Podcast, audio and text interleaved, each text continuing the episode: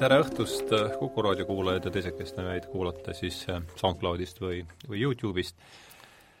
Äh, seal ei ole tähtis taas, mis, mis ei ole isegi oma ettekujutust, mis kellaaeg meil ja mis ajal meid tava, valdavalt kuulatakse.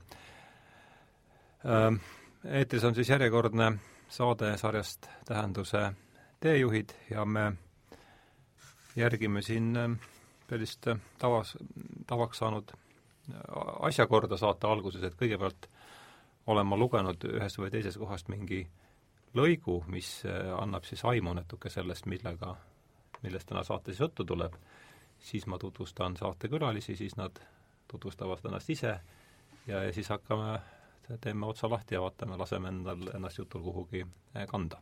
et selline plaan. et siis lõik tuleb, lõik on järgmine unustasin prillidele Tartu, nii et äh, tõenäoliselt tuleb see ettelugemine äh, veel konarlikum, kui ta tavaliselt on, aga, aga ma üritan oma parimat.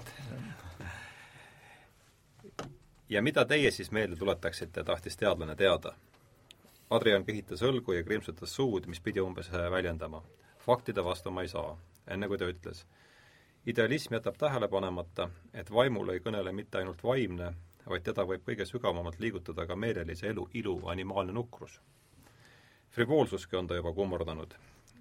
Filiin on lõppeks ju vaid pisike libu, aga Wilhelm Meister, kes oma autorile õige lähedal seisab, avaldab talle niisugust lugupidamist, millega meelelise süütuse labasust avalikult eitatakse kahemõttelisuse soosimist ja sallimist, vastas numismaatik, pole meie olümplas iseloomus iialgi kõige eeskujulikamateks joonteks peetud. see võib muide kultuurigi ohustada, kui vaim meelelis labalise, meelelis laba sees ühe silma kinni pigistab või seda koguni pilgutab.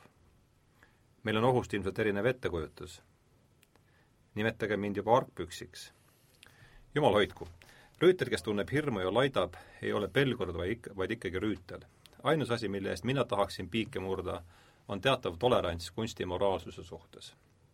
seda esineb või seda lubatakse endale, nagu mulle paistab teistes kunstides, meelsamalt kui muusikas. see võib ju muusikale väga austav olla, aga see ahendab tunduvalt eluruumi. mis jääb, mis jääb siis üle kogu sellest kilinast ja kõlinast, kui seda kõige rangemalt vaimu ja moraali mõõdupuuga mõõtma hakata? paar puhast, paar puhast Bachi spektrit võib-olla ei jää üldse midagi kuuldavat üle. teener tõi tohutul kandikul viskit, õlut ja soodavett. Äh, see oli siis äh, lõik Toomas Manni äh, romaanist Doktor Faustus, aga täna ei tule meil juttu ei Toomas Mannist ega Doktor Faustusest, vaid vaid see niidiots, mida me siin arutama hakkame, on pigem ähm, Bach sest ta on ilmselt esimene nimi, mis minusugusele saatejuhile tuleb, ähm, tuleb äh, ette, kui ta kuuleb sõna vanamuusika. aga täna on mul siis äh, saates kaks inimest, kelle jaoks vanamuusika tähendab midagi palju enamat, kui on palju, kelle jaoks vanamuusika on on nende eriala, tere tulemast, Taavi-Mats Sutt ja Reinud Tepp järgmine siis saateks, saate teemaks on täna vanamuusika ja olge nii kenad, et rääkige kõigepealt, tutvustage endid pisut, enne kui me äh, jutu otsa lahti teeme. jah, mina, Taavi Mats, mul on nagu raske öelda täpselt, kes ma olen, ju ikka muusik. ja, ja seesama muusikuks olemine äh, vahel toob kaasa mingisuguseid lisaharusid sest nüüd vana, vanas eas olen ma ka käsitööliseks hakanud ja hakanud pille tegema, teistpidi ikka, ikka ainult sellepärast, et see muusika paremini kõlaks. ja nagu enamik moosekante, on ka minu puhul selline lugu, et et see, mis, mis uuritud ja teada saadud, eks seda ole, ole vahva teistele edasi anda ja, ja õpetada ja, ja õppida ka, õppida ka noortelt. ja on hästi, minu, hästi huvitav ära, äratundmine viimasel ajal just, et, et seesama muusikakoht, meil on siiamaani kõik muusikaõpetus on nagu väga muusikakeskne, aga muusika iseenesest ju on osa, osa ühiskonnast ja, ja sellest, mis seal juhtub. ja, ja sellepärast me järjest rohkem on hakanud mind ka huvitama see üldine pilt, sest kui, kui me räägime sellest varasemast muusikast, sa mainisid seda Bachi, siis noh, see, millega me tegeleme, ulatub ju, ju veel mõne, mõnisada aastat varasemakski, siis need traditsioonid on lootusetult katkenud ja, ja ainuke variant on siis äh, sorida seal ajaloos, nii et, et see on see, mis mulle tegelikult huvi pakub. mina olen Reinar Tepp ja olen muusik ja, ja tegelen ka pedagoogilise tööga, õpetan Georg Otsa nimelises Tallinna Muusikakoolis, Tallinna Muusikakeskkoolis ja Eesti Muusikateatri Akadeemias samuti. Ja lisaks on kontserte ikka päris, päris palju, mitmete, mitmete kollektiividega, nagu Cantores Vagantes ja Tallinna Kammerorkester Kermerata Baltikaga ja ja mitmetes kooslustes.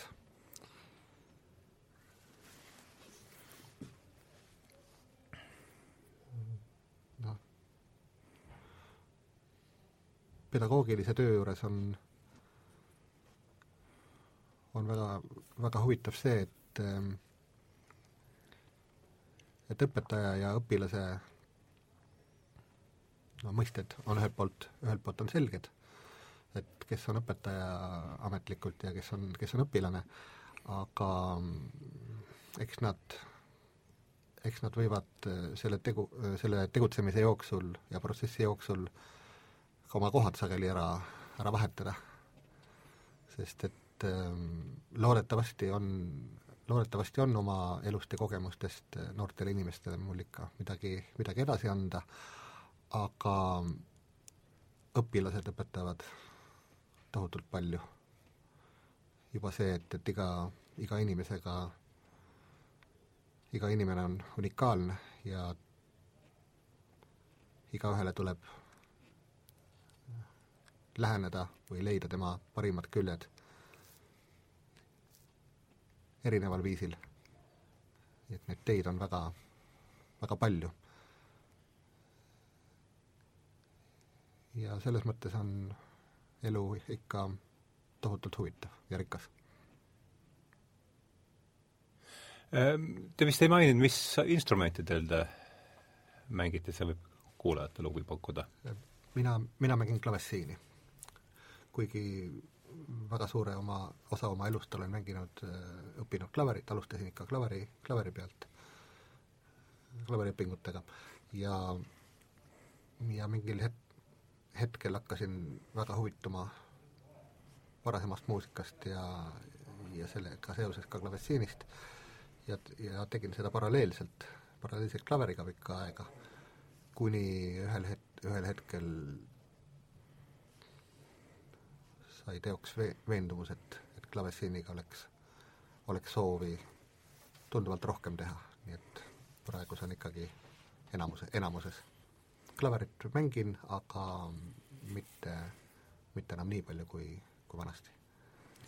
jah, ja minul on nagu ring omamoodi hakkab täis saama, sest ma alustasin plokkflöödiga ja kuna see algus jäi kaheksakümnendatesse aastatesse ja sellel ajal plokkflööti nagu ametlikult õppida ei olnud üleüldse võimalik, alustasin helilooja Heino Jürisalu eraõpilasena ja siis tuli kuidagi haridusteed jätkata, aga need, kes ühtegi pilli mängida ei oska, siis oli kahe kõige lihtsama pilli vahel valida, see on siis kas oboe või, või metsasarv. ja nii ma oboed mängima sattusin, aga, aga kuna noh, see huvi oli selle vanamuusika poole peal, siis juba siis, jah? Juba siis, jah. ja, ja siis see viis kaunis sujuvalt barokopoeni, nii et, et ma olen aastaid mänginud ka barokopoed, aga, aga kuna see tegevus on nagu suhteliselt laiaks läinud, siis ma püüan ennast nagu teadlikult piirata, sest, sest kvaliteet on ka tähtis. et, et nüüd ma, nüüd on jäänud pillidest äh, ikkagi plokkflööt ja Äh, no see saade on selles mõttes mõneti erandlik meil, et äh, Reinut, ega siin on ka olnud varem muidugi saatekülalisi, kellega ma kohtun alles, alles stuudios esimest korda ja Reinutiga me näeme ka teineteist vist esimest korda. Äh, võib-olla ma olen kusagil kontserdil teilt kuulnud, ma ei julge täpselt, ma seda ma ei julge, aga igatahes näost näkku me näeme esimest korda.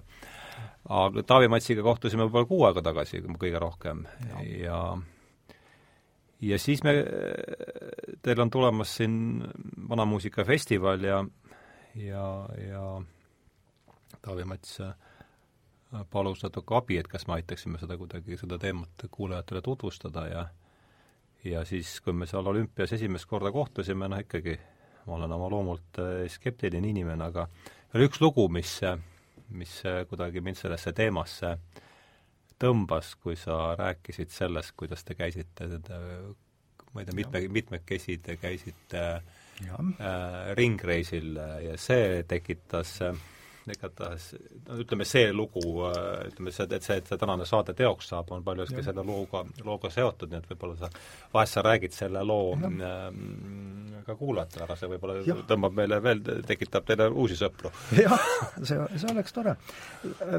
Võib-olla loole eellugu ka. jaa, muidugi. Ähm, võta, võta, võta aega, see on hea lugu e eellugu on, on see, et, et me oleme no nagu ma juba mainisin, seda, seda varajast muusikat juba ju nagu päris kaua mänginud. ja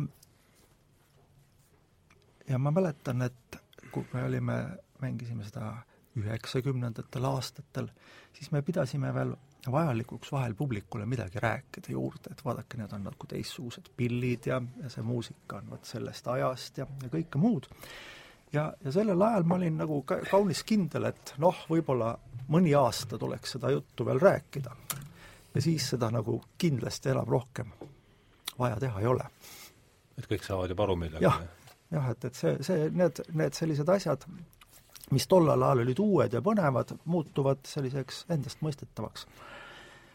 aga midagi sellist ei ole vahepeal juhtunud. ja, ja sellepärast kogu selle varase muusika kohta tihtipeale öeldakse, et noh, see on selline nišivärk. et noh, kaevatakse seal kuskil mingisuguste asjadega, et, et kas see siis nagu nagu arheoloogid või? jah, mi-, midagi sellist, midagi sellist. ja, ja millegipärast tähendab, mul on nii palju sõpru arheolooge, kellest mina isiklikult pean nagu väga lugu või siis öeldakse, et muuseum ja, ja muuseumid mulle meeldivad ka ähm, aga, aga see on noh, et seda püütakse, et, et muuseum, kohe esimene asi on nagu tolm või midagi sellist, minu meelest ei ole. Aga, aga see selleks. aga ikkagi seesama asi, et, et nišivärk, et see peab nagu tutvustama, et et see on selline, selline no, asi, millesse ma olin kindel, et, et seda ei pea enam tegema ja nüüd tuleb välja, et, et peab. ja nüüd on esimene oktoober, rahvusvaheline muusikapäev. Sel aastal? ei, see on üleüldse, selle Jehudi Menuhin, sina, eks ole, räägid natuke paar sõna sellest rahvusvahelisest tema, tema kutsus, kutsus, kutsus ellu selle esimese oktoobri tähistamise kui rahvusvahelist muusikapäeva et, et muusikal alles sellist suuremat kõla-. idee oli see? jaa, et, et, et sellist suuremat kõlapinda muusikale Just. Äh, saada ja sellega on äh, hästi kaasa tulnud meie Interpreetide Liit. Ja Interpreetide Liit saatis Cantores Vagantese kontserte andma. aga see on see päev, kus kontserdid peaksid kõlama igasugustes sellistes kohtades, kus tavaliselt kontserti ei olegi, tehastes, trammides äh,, lennujaamas. lennujaamas, iga, igasugused, tähendab, et, et ujutab miskipärast tuleb mulle meelde narodniklus Vene revolutsioonist ajaloos, kus intellektuaalid läksid rahva rahva sekka, see on natukene mingi niisugune touch tundub. Jah, ja, ja, ja nüüd on naljakas on just see, et, et, et mul on, mul on sellest ajast ka kogemus olemas. ma mäletan Vene aega, kus, kus meid saadeti iga tont teab kuhu ja, mängima. ja, ja selle, ja selles mõttes mul, minu sisetunne, kui meid öeldi, et Cantores Vagantes võiks anda ühel päeval kolm kontserti, no minu sisetunne noh, oli selline, et no hea küll, noh, kui see on vaja, noh, eks, eks siis teeme. ja läksime me kolme plokkflöödiga. kas Cantores Vacantes tähendab ränd, midagi ränd, länd, rändlauljate Jah, äh, mingi niisugune see on, see on, see on selline, selline suhteliselt täpne, täpne nimi tõepoolest, eks ole, et siis, et hästi, aga ärme nii hoiame seda Jah. pool kiilo all. jah, ja siis Cantores Vagantes no me läksime suhteliselt väikese koosseisuga, mobiilse koosseisuga, kolme plokkflöödiga. ja mängisime, kavas olid kuueteistkümnenda sajandi polüfooniline muusika, no täiesti selline, et ma võin et, et kindel olla, et mitte ükski inimene pole ühtegi viisijuppi sealt kuulnud. et, et selles mõttes ta ei ole midagi sellist kolme flöödiga. kolme, kolme plokkflöödiga, jah. Ja kuidagi noh, nagu ikka suurte ürituste puhul vahel, eks ole, kommunikatsioonist jääb puudu, meid re- reklaamiti välja särav barokk. esiteks, noh, ma ei tea, kui särav ja kui barokk, eks ole, no mitte päris. see teeb mul, see teeb mullegi nalja, hoolimata, et minu sellised muusikaalajaloo teadlased jätavad soovida. meie atrak-, meie atraktiivsuse janu äh, järele januneval ajastul on see väga tüüpiline pealkiri. nojah, ja aga me olime teel Rakverre oma esimesse kontserdipaika ja selleks oli Rakvere gümnaasium. igavene au-, ma käisin koolis seal. See on iga, igavesti tore kool, pealegi see on Arvo Pärdi, Arvo Pärt on seal minu teada ka õppinud Olav Kotli on igavese uhke maja teinud jah sinna. väga, väga ilus ja hea.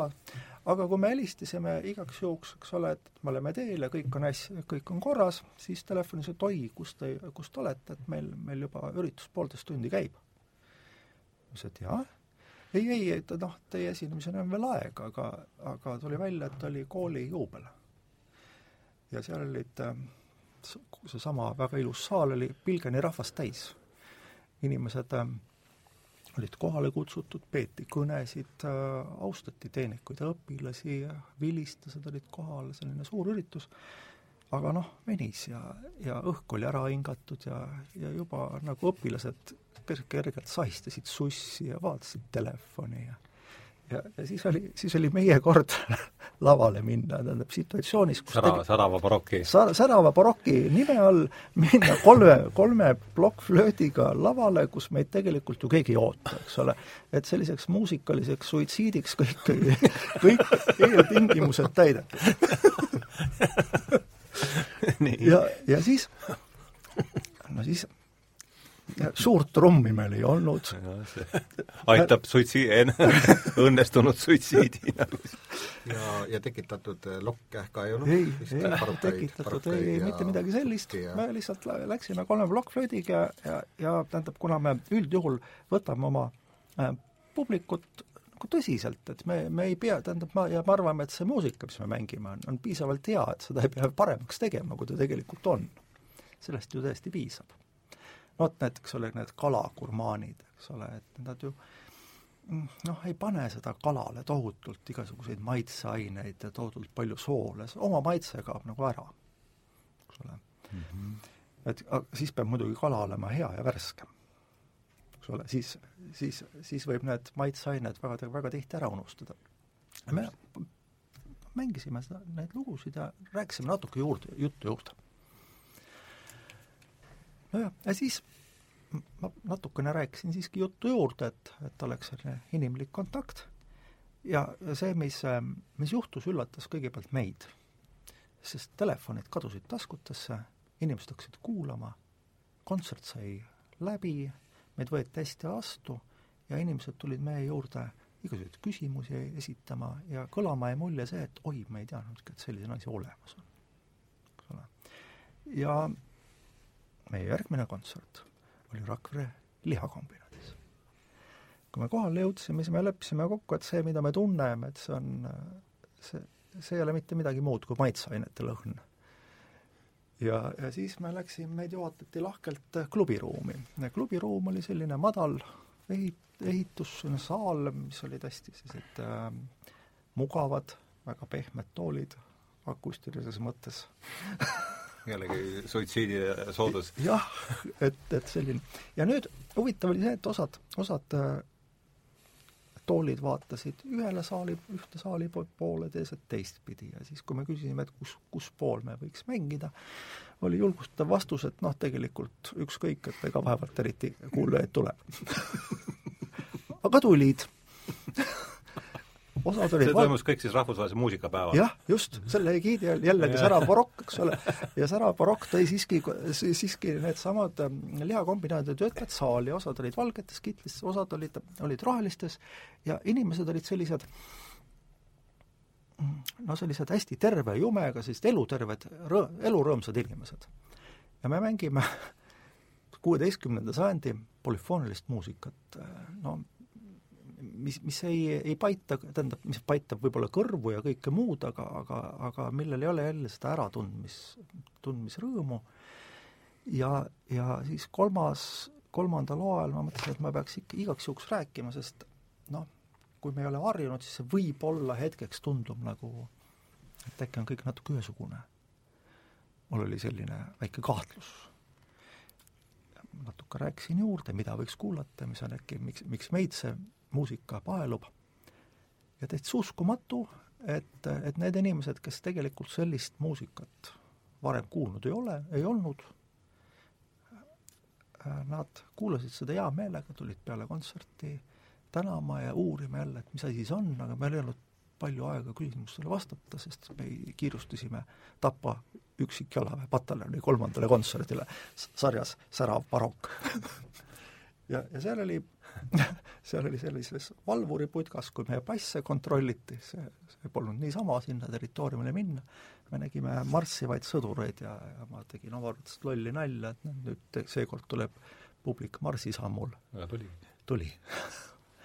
Ja no, no kujutatagu ette sellist pilti, seminariruum, kakssada seitsekümmend kohta umbes, kaunis, kaunis selline nagu kinosaal poolkaares, selle ees on presiidiumi laud ja me peame kuskil olema, me läksime selle laua ette, aga see tähendab seda, et servad on nagu meist natuke tagapool, publiku servad. ta on selline kitsas mm. -hmm. ja no ja tegelikult kordus enam-vähem kogu, kogu sama stsenaarium. ja, ja siis, ja siis ma hakkasin nagu mõtlema, et, et äh, sellel päeval kuulas meid üle kuuesaja inimese, kellest vabatahtlikult meie kontserdile vaevalt oleks tulnud üle, üle paari. noh, sellise optimistliku prognoosi järgi, eks. Ole ja, ja tegelikult äh, ah, nüüd ma ütlesin sedasama sõna juba õige mitmendat korda. Et ähm, neile meeldis see üllatas neid kõige positiivsemal kombel, hoolimata kõigest, hoolimata sellest, et see ei olnud päris särav barokk ja, ja, ja nad ei olnud midagi sellist kuulnud. ja, ja mida, mida ma siis nagu mõtlesin ka, et et, et me ei peaks kuulajat alahindama, aga, aga vahel, vahel on tunne, et, et me oleme ise süüdi, meie, meie, meie kolleegid vahel tahame igast taskust seda viiekat kätte saada eks ole, et püüame, püüame kuidagi muganduda, et teeme, teeme niimoodi, et kõigile meeldiks. aga noh, ma vist ei pea pikalt rääkima, mis on nende asjadega, mis, mis kõigile meeldib, eks ole. nii, no see oli jah, see, see oli see asi, mis, see lugu, mis kuidagi minul tekitas, et, et saaks natukene teie asjadele kaasa aidata, nii vähe, kui see minu võimuses on. aga defineerime vahest äh, siis mõistet kõigepealt, siin kaks mõistet on käinud läbi, varajane muusika, vana muusika, on need kattuvad, mida need võiksid tähendada? anname Reinutile sõna, kas on, on need üldse, kuivõrd defineeritavad need mõisted on? mulle tundub, et vara, et varajase ja vana muusika alla tavaliselt äh, loetakse vist ikkagi klassitsismieelset muusikat, et, et barokk ikkagi samuti, samuti loetakse varajase või vana, vana muusika alla, muidugi mm -hmm. kas see on siis nüüd see, no et üritan oma nappe, nappe muusikateadmisi kokku võtta, kas see on nüüd siis see asi, mis jõuab, ütleme, Bachis oma sellise apoteoosini või? kui klassitsismieelne muusika? jah, kuigi need ajastud, ajastud ei lähe sugugi mustvalgelt äh, ei lõppe ära, et, et barokk lõpeb ära ja nüüd on mitte jälgegi ei jää barokist ja ei, seda muidugi. sest et eks, eks need muutused on ikkagi sellised sujuvad, sest et juba noh, just siin oli täna, täna veel õpilastegagi juttu, et äh, ka äh, ka klassitsist Mozartil on äh, on näiteks klaverisonaatide aeglastes osades harmoonia ja, ja bass võib olla väga klassitsistlik ja harmoonia võib olla küllaltki korrastatud ja mitte väga keeruline, aga meloodika võib olla vägagi vohav, rikkalik ja ornamenteeritud ja kaunistatud, mis on, mis on äh, barokist pärit. no ja tema ju kasvas sellel ajal üles. jah, tegelikult küll jah, jah, ta, sündis ju kuus, kuus aastat pärast äh, Sebastian Bachi lahkumist mm. -hmm. et äh, selles mõttes see ei olnud sugugi kaugel, jah et siis Mozartit võiks pidada esimeseks, üheks esimeseks suureks klassitsistlikuks heliloojaks? seda ei, seda ei ütleks. ei ütleks? no Viini, kui öelda, kui Viini klassikalist koolkonda nimetatakse, siis äh, seda kolmikut nimetatakse Joseph Haydn, äh, Mots-, äh, Wolfgang Amadeus Mozart ja Ludwig von Beethoven. kusjuures viimane helilooja on jällegi otsapidi juba järgmises ajastus. ta on üks väga suur väga suur revolutsionäär ja mingis mõttes lõhkuja.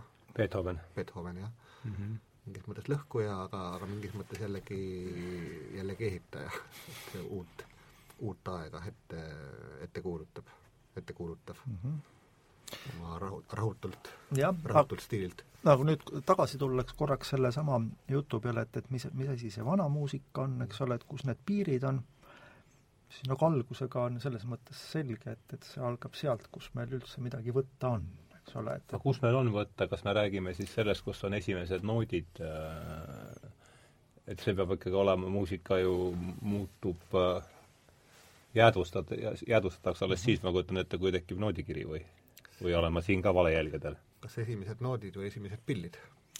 nojah, aga me ei tea ju, kuidas, kui meil ka pill on, aga meil ei ole nooti, et siis me ju ei tea, mida, kuidas neid mängiti või, või, või saan ma veel kord ma, te ja. peate leppima sellega, et ma võin esitada täiesti mööda küsimust. ei, see küsimus ei ole sugugi mööda, sellepärast et ega, ega siin on äh, paralleelselt ähm, väga, väga erinevaid seisukohti ka moosekantide seas, et mm, -hmm. et mhm. see, see ei ole mustvalge. aga noh, tähendab see, et ähm, no kust muusika üldse ilmselt tulnud on, eks ikka, eks ikka sõna toetav alguses, eks ole, suure, suure tõenäosusega. Ähm, teine asi on, eks ole, rütm ja, ja, ja, ja ma arvan, et mingisugused pillid on ja, ja need, kas või need leiud, need on ikkagi hästi-hästi äh, vanad aga tõepoolest, me ei saa sellest palju teada, kuidas me ka nagu ei pinguta. teistpidi, noh, kui me räägime näiteks Vana-Kreeka muusikast, millest me ju ka midagi ei tea, aga, aga meil on olemas ähm, näiteks on säilinud kuus komplekti originaalaulaseid yes,. aulas, aulas on üks selline topelt puhkpill mm, -hmm. millest on, on enamus tehtud äh, sellest äh, hirve hirve Need on nüüd reaalselt säilinud pildid? reaalselt säilinud kuidas see nimi on, Aulos? Aulos, jah. ja, ja täiesti hämmastav on see, et, et need, need pillid on väga-väga sarnased, tähendab, noh, me ei, ei oskaks eeldada nii vanast ajast nii, nii suurt standardiseerumist. et kui me vaatame need pildid on omavahel sarnased? jah, jah, kõik need leitud aulused on, on väga sarnased ja Briti muuseumis on ka üks, üks auluste komplekt, mis on puidust, eks ole. ja nüüd äh, meie hea sõber Konrad Steinmann Šveitsist, tema kirg on Vana-Kreeka muusika. loomulikult seda muusikat ei ole, ta kirjutab seda ise. ja, ja ega ta seda, ega ta seda ei varja ka, eks ole, aga tema saab ins-, inspiratsiooni äh, sellest äh, literatuurist, eks ole, nendest, nendest lugudest sellest nendest Äh, takti- sõnast. sõnast, Sõnast, eks. sõnast, ta lähtub sõnast, eks ole, sõnade rütmist, sellest Mm. ja, ja kasutab, kasutab äh, ta lähtub sõnade rütmist ja instrumentidest ja siis oma just. kujutluses loob Just, sellele just. muusika, mis sellega riimuks. Väga huvitav. mis kes see härra on, kelle nimi on? Konrad Steinmann, Konrad Steinmann. jah. ja see on no ääretult põnev ja ta, ta ei, ta ei noh, nagu selles mõttes ta ei salgagi, et, et, et see on tema looming, aga, aga, aga see on lihtsalt noh, nagu tema kirg ja, ja ta teeb, teeb sellepärast, et see on lihtsalt väga, väga põnev maailm, seda nii-öelda taas luua, kusjuures see fakt, et, et, et see kindlasti noh, või, või suure tõenäosusega ilmselt ikkagi natuke teistmoodi kõlas, sellel ei ole ju selles mõttes tähtsust no rangelt võttes on see, mida ta teeb, ikkagi täiesti tänapäevane. täiesti, täiesti tänapäevane muusika, ta toidab jah. oma kujutlusvõimet lihtsalt Just. äh, selle, nende tema, tema inspiratsiooniallikad Just. on samad. aga kui me nüüd räägime seda, et, et varajase muusika alguseks on see, kust meil midagi võtta on, reaalselt võtta, et Mhm. äh, see ikkagi eeldab seda, ma, ma isegi ei kujuta, kuidas see saaks teisiti olla, et kui meil noh, CD-si meil mm. -hmm. ilmselt ei ole, eks, et ainus, mis saab olla, on on noodikiri, ma mõtlen, et eks kust meil esimesed noodid pärit on? no esimeste nootidega on ikkagi niimoodi, et, et kui me libiseme üle sellisteks üksikleidudest või, või mingisugustest veel sellist, vaatame juba midagi, mis, mis tundub nagu olevat rohkem ähm, ähm, rohkem arvuline, et, et me saame sellest natuke tõsisemalt rääkida, siis, siis see on ikkagi mm, need on laulunoodid ja, ja loomulikult kirik ja klooster. Eks ole, sellepärast et kus olid haritud ja õpetatud inimesed, ikka, ikkagi, ikkagi kloostrites ja kirikutes, ja, ja seal oli asi suhteliselt hästi dokumenteeritud. ja, ja loomulikult esimese sellise noodikirja ju mõte oli sootuks teine, mis on ta praegu, sellepärast et praegu tahab helilooja võimalikult interpreti kontrollida aga siis midagi sellist ei olnud, sellepärast et äh, kogu õppimine käis ikka, noh, see oli suuline pärand. ainult et kui mul on hästi palju lugusid, mida ma pean laulma, siis mul on, mul on vaja hetkeks meeldetuletust, et ah, see on see. konspektilaadne see on, see on jah, konspekti konspektilaadne, et taha nüüd, eks ole, mis näit-, näitab meile ära hääle liikumise suunad ja see, see ei püüdnud isegi mingisuguse väga täpse äh, notatsiooni poole, et, et sa võid lihtsalt, vaid lihtsalt see oli abi, abivahend ähm, ja muusika meeldejätmiseks. ja mis ajast me räägime nüüd siin?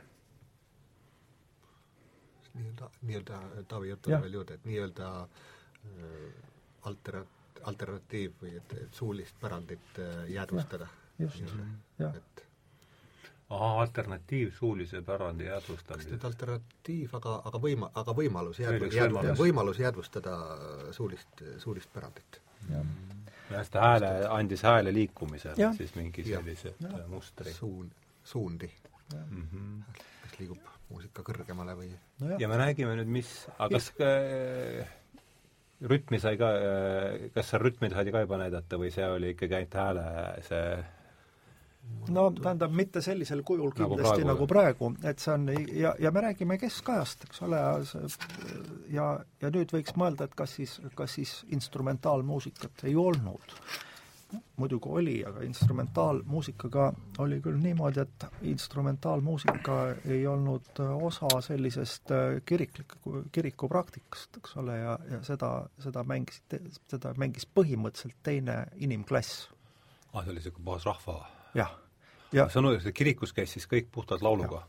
jah, aga orel? Orelina oli, oli ikka jupp maad aega, jah, jah. siis ma olen kuulnud kusagil sellist juttu, et, et orelit peeti tükk aega, orel oli põlu all tükk aega, et seda ka summutati Rooma tsirkuses enda ka ti- Jaa. surijate, surijate hääli, et seetõttu kirik juhtus, ma ei tea, kas see, on see mingi lennulegend või olete teie haritud inimestena ka mi- midagi sellist, midagi sellist kuulnud või see on mi, mi, mi, minusugust ei, ta, ta võib olla, aga ta on, on ka oma, omamoodi, eks ole, selline võimusümbol, et, et, et, et inimesi koledate häälte hulluks ajada ja näidata, eks ole, et, et see igasuguseid variante, mida ma olen kuulnud, sest orel põhimõtteliselt on nagu pillina ju, ju vana, hästi, hästi vana. aga, aga võib-olla, kui me räägime selline kontsertpillina või noh, sellega, nagu meie praegu seda ette kujutame, siis me peame seda ikka piiri oluliselt yeah. me, meie poole nihutama aa, nii et kirikumuusika oli siis vokaalne ja, ja pilli ja. siis näppisid rohkem äh, see, kes kõrtsi ümber, see seltskond see, see äh, kõrtsi ümber seltskond ja, ja siis veel, et, et neil ühiskondlik seisus on, on hästi, hästi erinev ja, ja loomulikult nüüd, kui praegu on noh, on suhteliselt põnev, on ju, et, et meil on olemas üks, üks selline vihikutäis instrumentaalpalu ka sellest ajast, sellest keskajast ainult probleem on selles, et me ei tea, kes seda esitasid, me ei tea, mis palad nad on, miks neid mängiti ja mis pillidega neid mängiti. Ja kui aga kust me üldse teame, et see instrumentaal, et need on siis no, instrumentaalpalade noodid? jaa, need on juba noodistatud, seal ei ole sõnu juures ja kas või, kas või selle äh, liikumise keerukuse eriti on selge, et see, see ei saa tähelele nagu, alla. jah, et ei, ei ole, et selgelt instru-, ja nüüd vahva on, eks ole, kui meie oleme kolm inimest, kes me oleme üles kasvanud ühes sellises kuur-, kultuuritraditsioonis siiski. et kui, kui üks meist läheks näiteks Tiibetisse, üks läheb no ma ei tea, Iirimaale mingisugusesse kõrtsi ja, ja, ja kolmas, kolmas mingisugusesse Ameerika džässiklubisse. Ja me siis kirjutaksime need viisid üles, mis me, mida me kuuleme ühehäälselt. Ja annaksime oma kolleegi muusiku kätte, mm, siis see, mis sealt välja tuleks ja see, mis tegelikult kõlas, kui suur see ühisola, osa siiski olla saab. aga, aga kui me räägime, tulles tagasi nüüd selle keskaja instrumentaalmuusika juurde, on hästi põnev ikkagi see, et et need olid suure tõenäosusega üles kirjutatud teise klassi poolt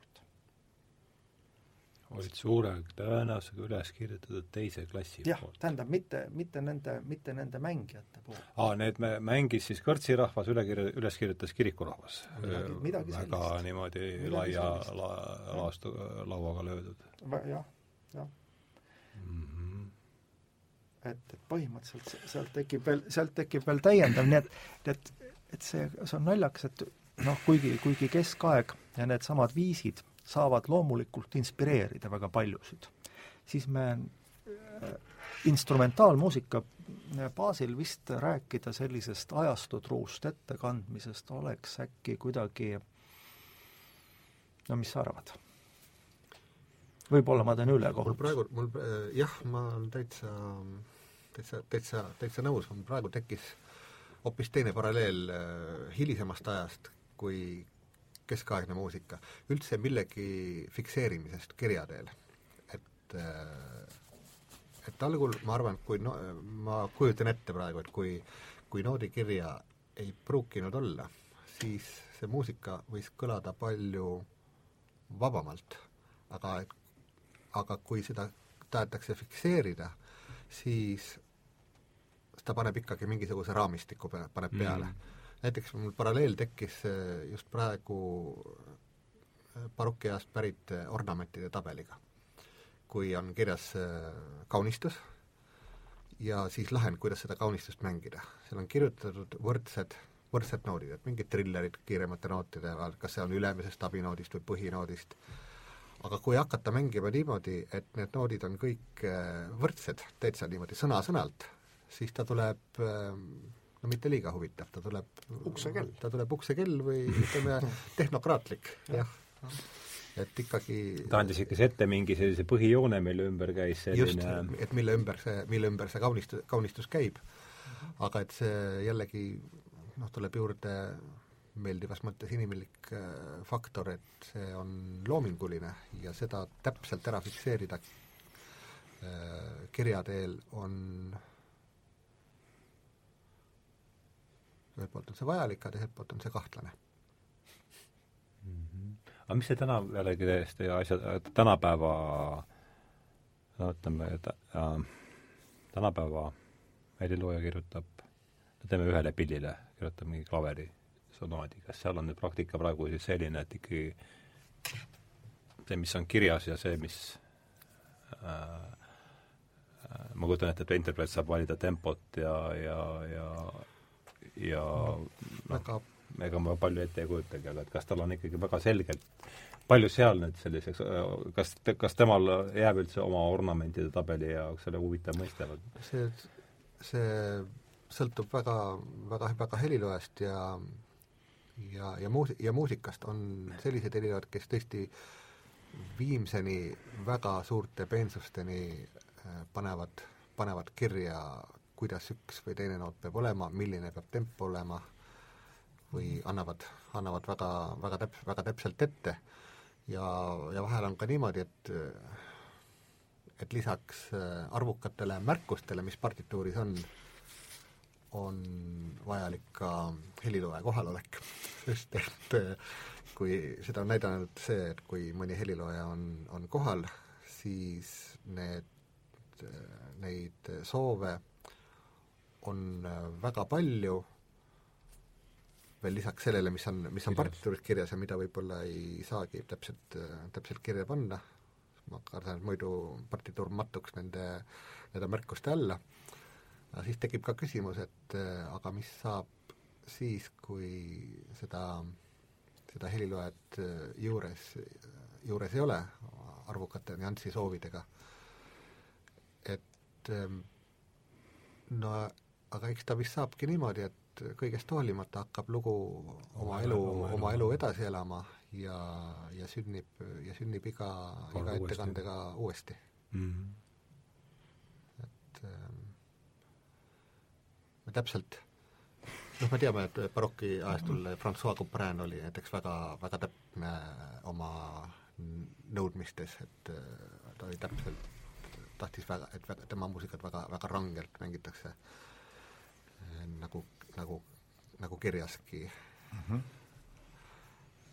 aga sellest hoolib, hoolimata, kui helilooja kaob või lahkub, lahkub siit ilmast, ajapikku lahkuvad ka need, kes äh, on teda kuulnud, temaga kokku puutunud ja midagi säilib mingis pärimuses, midagi säilib noodikirja tõlgitsemise traditsioonides, aga ikkagi teos hakkab oma, oma elu edasi elama, elama ja ja võib ju, tõenäoliselt juhtub ju ka niimoodi, et äh, aja möödudes lähebki pilt hoopis, hoopis teiseks, kui ta oli, kui ta oli helilooja teose kirjutamise, kirjutamise ajal.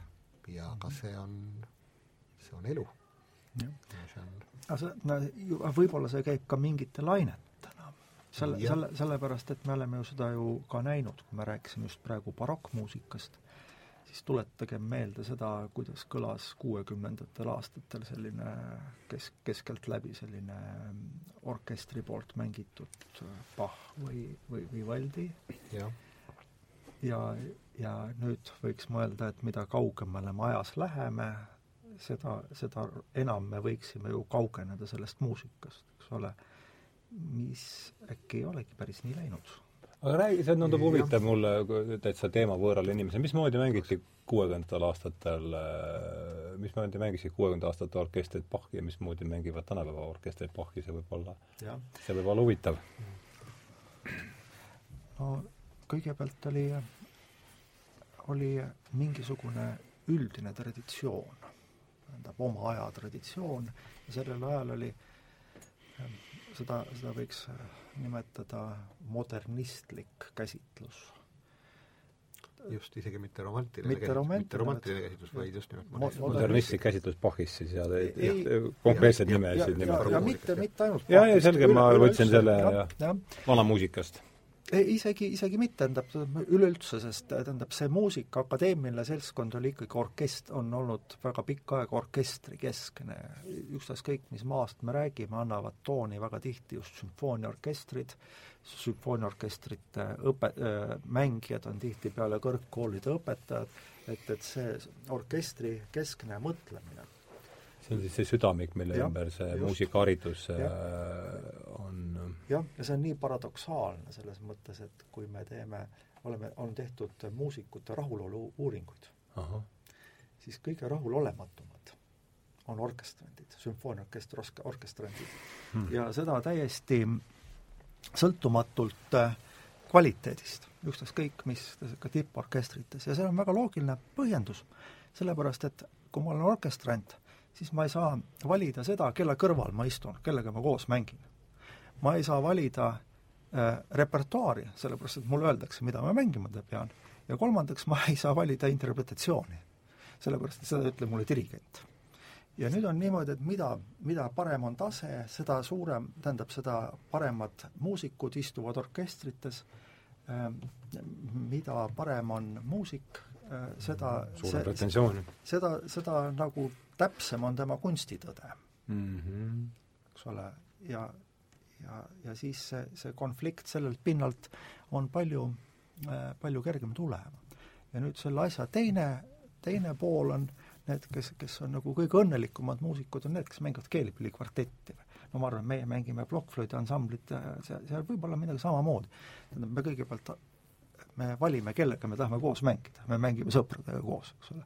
esimene asi, teiseks me mängime, me mängime ikkagi seda repertuaari, mida me tahame mängida kui me Reinutega koos mängime ja üks meist ütleb, et ei, ärme seda mängi, noh, siis me võtame järgmise loo, me leiame ikkagi sellise konsensuse, et, et mida kõik tõesti mängida tahavad.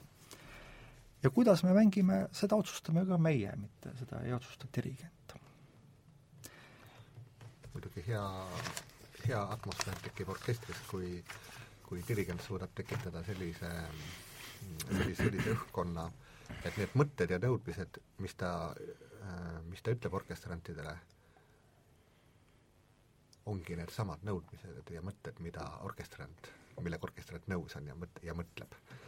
et, et ütleb seda veendunult ja samas tekitab mõtte, et aga appikene, see on nii loogiline, et mul on ju sama mõte. kas te olete, teil on mõlemale, on olemas suures sümfooniaorkestris mängimise kogemus või aeg-ajalt ikka, aeg-ajalt, aeg-ajalt on seda ikka tulnud ette mm, -hmm. jah ikka. ja, ja muidugi, tähendab, nüüd võib-olla see näide, mis ma tõin, tundub nagu kuidagi orkestrivaenulik, et see ei olnud niimoodi mõeldud selles mõttes, et et õnneks on seal kon-, sellist kompenseerivat materjali. Ja see on muusika, sellepärast et, et see, kui inimene kirjutab või helilooja kirjutab, loob äh, selle suurele koosseisule, see tähendab ikkagi seda, et tema ballett on kõige värvirikkam, et mm., et, et ja, ja selles mõttes, et hästi kirjutatud. sest igal pillil on oma, oma limiteering. ükskõik, mis pillist me räägime, igal pillil ja isegi inimhäälel on oma limiteering, eks ole, ja, ja nüüd, kui, kui me paneme kokku, kokku, eks ole, ikkagi suure orkestri, siis, siis need, need võimalused ikka avarduvad äh, väga olulisel määral ja selle, sellepärast ikkagi muusikuid ju väga tihti lihtsalt inspireerib see, see muusika, mida. -hmm. Toome nüüd selle küsimusele tagasi, et äh, me kaldusime sealt kõrvale, saaks hea, et mis, mismoodi te mängisite orkestrit kuuendal aastatel ja. Äh, Bachi ja mismoodi nad praegu mängivad, et äh, ma saan, sii-, seni kuuldust ma saan aru, et see on oli niisugune, kuuendal aastatel oli niisugune modernistlik lähenemine ja, ja see on orkestri kesksus on see Just. asi, sõna, mis ma sealt üles noppisin, et katsuks selle vastanduseni nüüd jõuda mm. -hmm. see on põhiliselt ikkagi see, et, et püüti olla väga tekstitruu. kuuekümnendatel? jah, et, et täpselt nii, nagu on kirjas, täpselt nii oleks tore mängida ka. see tähendab seda, et, et meil on ju, on ju nagu noote ju vähe, et kui me, me, me, meil ei ole, meil ei ole nagu see noodikiri ei väljenda äh, ka rütmilises ja, ja dünaamilises plaanis kuigi palju, kujutame ette, et meil on kaheksa, kaheksa ühesuguse ühe pikkusega nooti reas. ja see idea, idee oli see, et, et kui me suudaksime neid võimalikult ühtemoodi mängida, kõiki kaheksat nooti, eks ole, aga, aga see, õnneks inimesed ei, ei suutnud seda mängida ja sellepärast see pär-, päris hulluks kätte, noh, läks ikka ka, aga aga no, hulluks siis selles mõttes, et üritati nii ja, äh, selles kaheksas noodis kinni ja. olla, kui, kui vähegi võimalik. jah, no aga see on samamoodi, et kui me vaatame läbi akna välja ja me näeme ilusat rohelist muru, eks ole, siis on meil hea olla. ja miks meil on hea olla ja miks meil ei ole hea olla haiglas, kus on, kus on ilus roheline, rohelise mustriga vaip kate maas. mõlemal juhul on pehme ja roheline, ainult, ainult ühel juhul on see muru eh, seal, kus me tegelikult ei leia kahte ühesugust eh, rauliblet. ja, ja teisel juhul on mingi muster, mis, mis hakkab, hakkab korduma ja mis, mis tegelikult ei, ei ole loomulik. aga, aga sul oli veel, sa rääkisid seda horisontaali ja vertikaali liini, võib-olla sellest võiks, võiks sinna juurde rääkida, sest see on ainult üks aspekt. ma vist ei tahtnud vertikaalist ega horisontaalist rääkida, aga aga midagi võiks rääkida. võib-olla, võib-olla ma mõtlesin äh, seda, et äh, et orkestri koosseisud äh, loomulikult kuuekümnendatel, kui nad esitasid barokkmuusikat, olid oma ajastu, oma ajastu vaimus, ehk siis väga suured koosseisud võimas oli tähtis võimas, sõna. just, võimas mm. oli väga tähtis, väga tähtis sõna. kuuekümnendatel oli võimas tähtis sõna, jah? no jah, ega ta, ma usun, et see on oh, kestab, kestab mingil määral, mingil määral kestab see igal ajal, et see, et võimas on mingiks väga suureks näit-, näitajaks, noh, ta ei pea alati negatiivse tähendusega olema, sõna võimas. aga ta võib tähendada ka midagi gigantomaanset võib mm. tähendada aga ei pruugi. võimas võib olla ka ju heas, heas mõttes heas võimas. mõttes äh, võimas elamus, mis muudab, mis muudab meie elu näiteks mm.. Aga mulle tundub, et see hakkas ju ka, kui hakka, hakata mõtlema, nüüd Bachist oli juttu, et, et kui, et kes oli Bachi muusika esimesi elluäratajaid, oli Felix Mendelssohn. Äh, kes oli tuhat kaheksasada kolmkümmend üheksa, kui äh, kui äh, esitati esmakordselt pärast Sebastian Bachi lahkumist, ligi sada aastat pärast tema surma, esitati tema Mattuspassiooni. aga seda esitati selle ajastu vaimus, äh, üheksateistkümnenda sajandi esimese poole vaimus, kus äh, orkestrite koosseisud olid oluliselt äh,, oluliselt suurenenud. võrreldes Bachi ajaga? võrreldes Bachi ajaga, just. et nii suuri sümfoonilisi koosseise siis tegelikult ei olnud, kui võib-olla mõnes vabaõhuüritusel no, võis ja. sellist asja olla, näiteks ju Händeli, Händeli tulevärgi ja, ja vee, veevärgi veemuusika, veemuusika ettekandes, et suur, suur, suur koosseis on äh, no jaa, aga paneme sinna veel pillid juurde, sellepärast et pillid olid selleks ajaks muutunud just ja. nimelt kõla, noh, nad taheti järjest suuremat kõlamassi. täpselt. ja kuna muusika sai ka rohkem, kuidas öelda, hakati seda rahva sekka viima, siis äh, ruumid, kus neid esitati, muutusid ju ka palju palju, palju suuremaks. Mm, see on, me räägime siis ühiskonna demokratiseerumisest, märgatavast demokratiseerumisest ja. selle saja aasta jooksul, mis ähm, ja. on juhtunud ja see on see alushoovus, millel kogu see, kaasa arvatud muusika, ma kujutan ette, kulgeb, eks. just. et, et see on nii, nii põnev, et vist ei ole ühtegi muusikut, kes ei ole käinud muusika ajalootundides ja meile räägitakse kogu aeg sellest, et, et kuidas muusika areneb tihtipeale mm -hmm., muidugi areng on üldse üks ja, naljakas ja sõna. ja pillid samuti. ja pillid arenevad.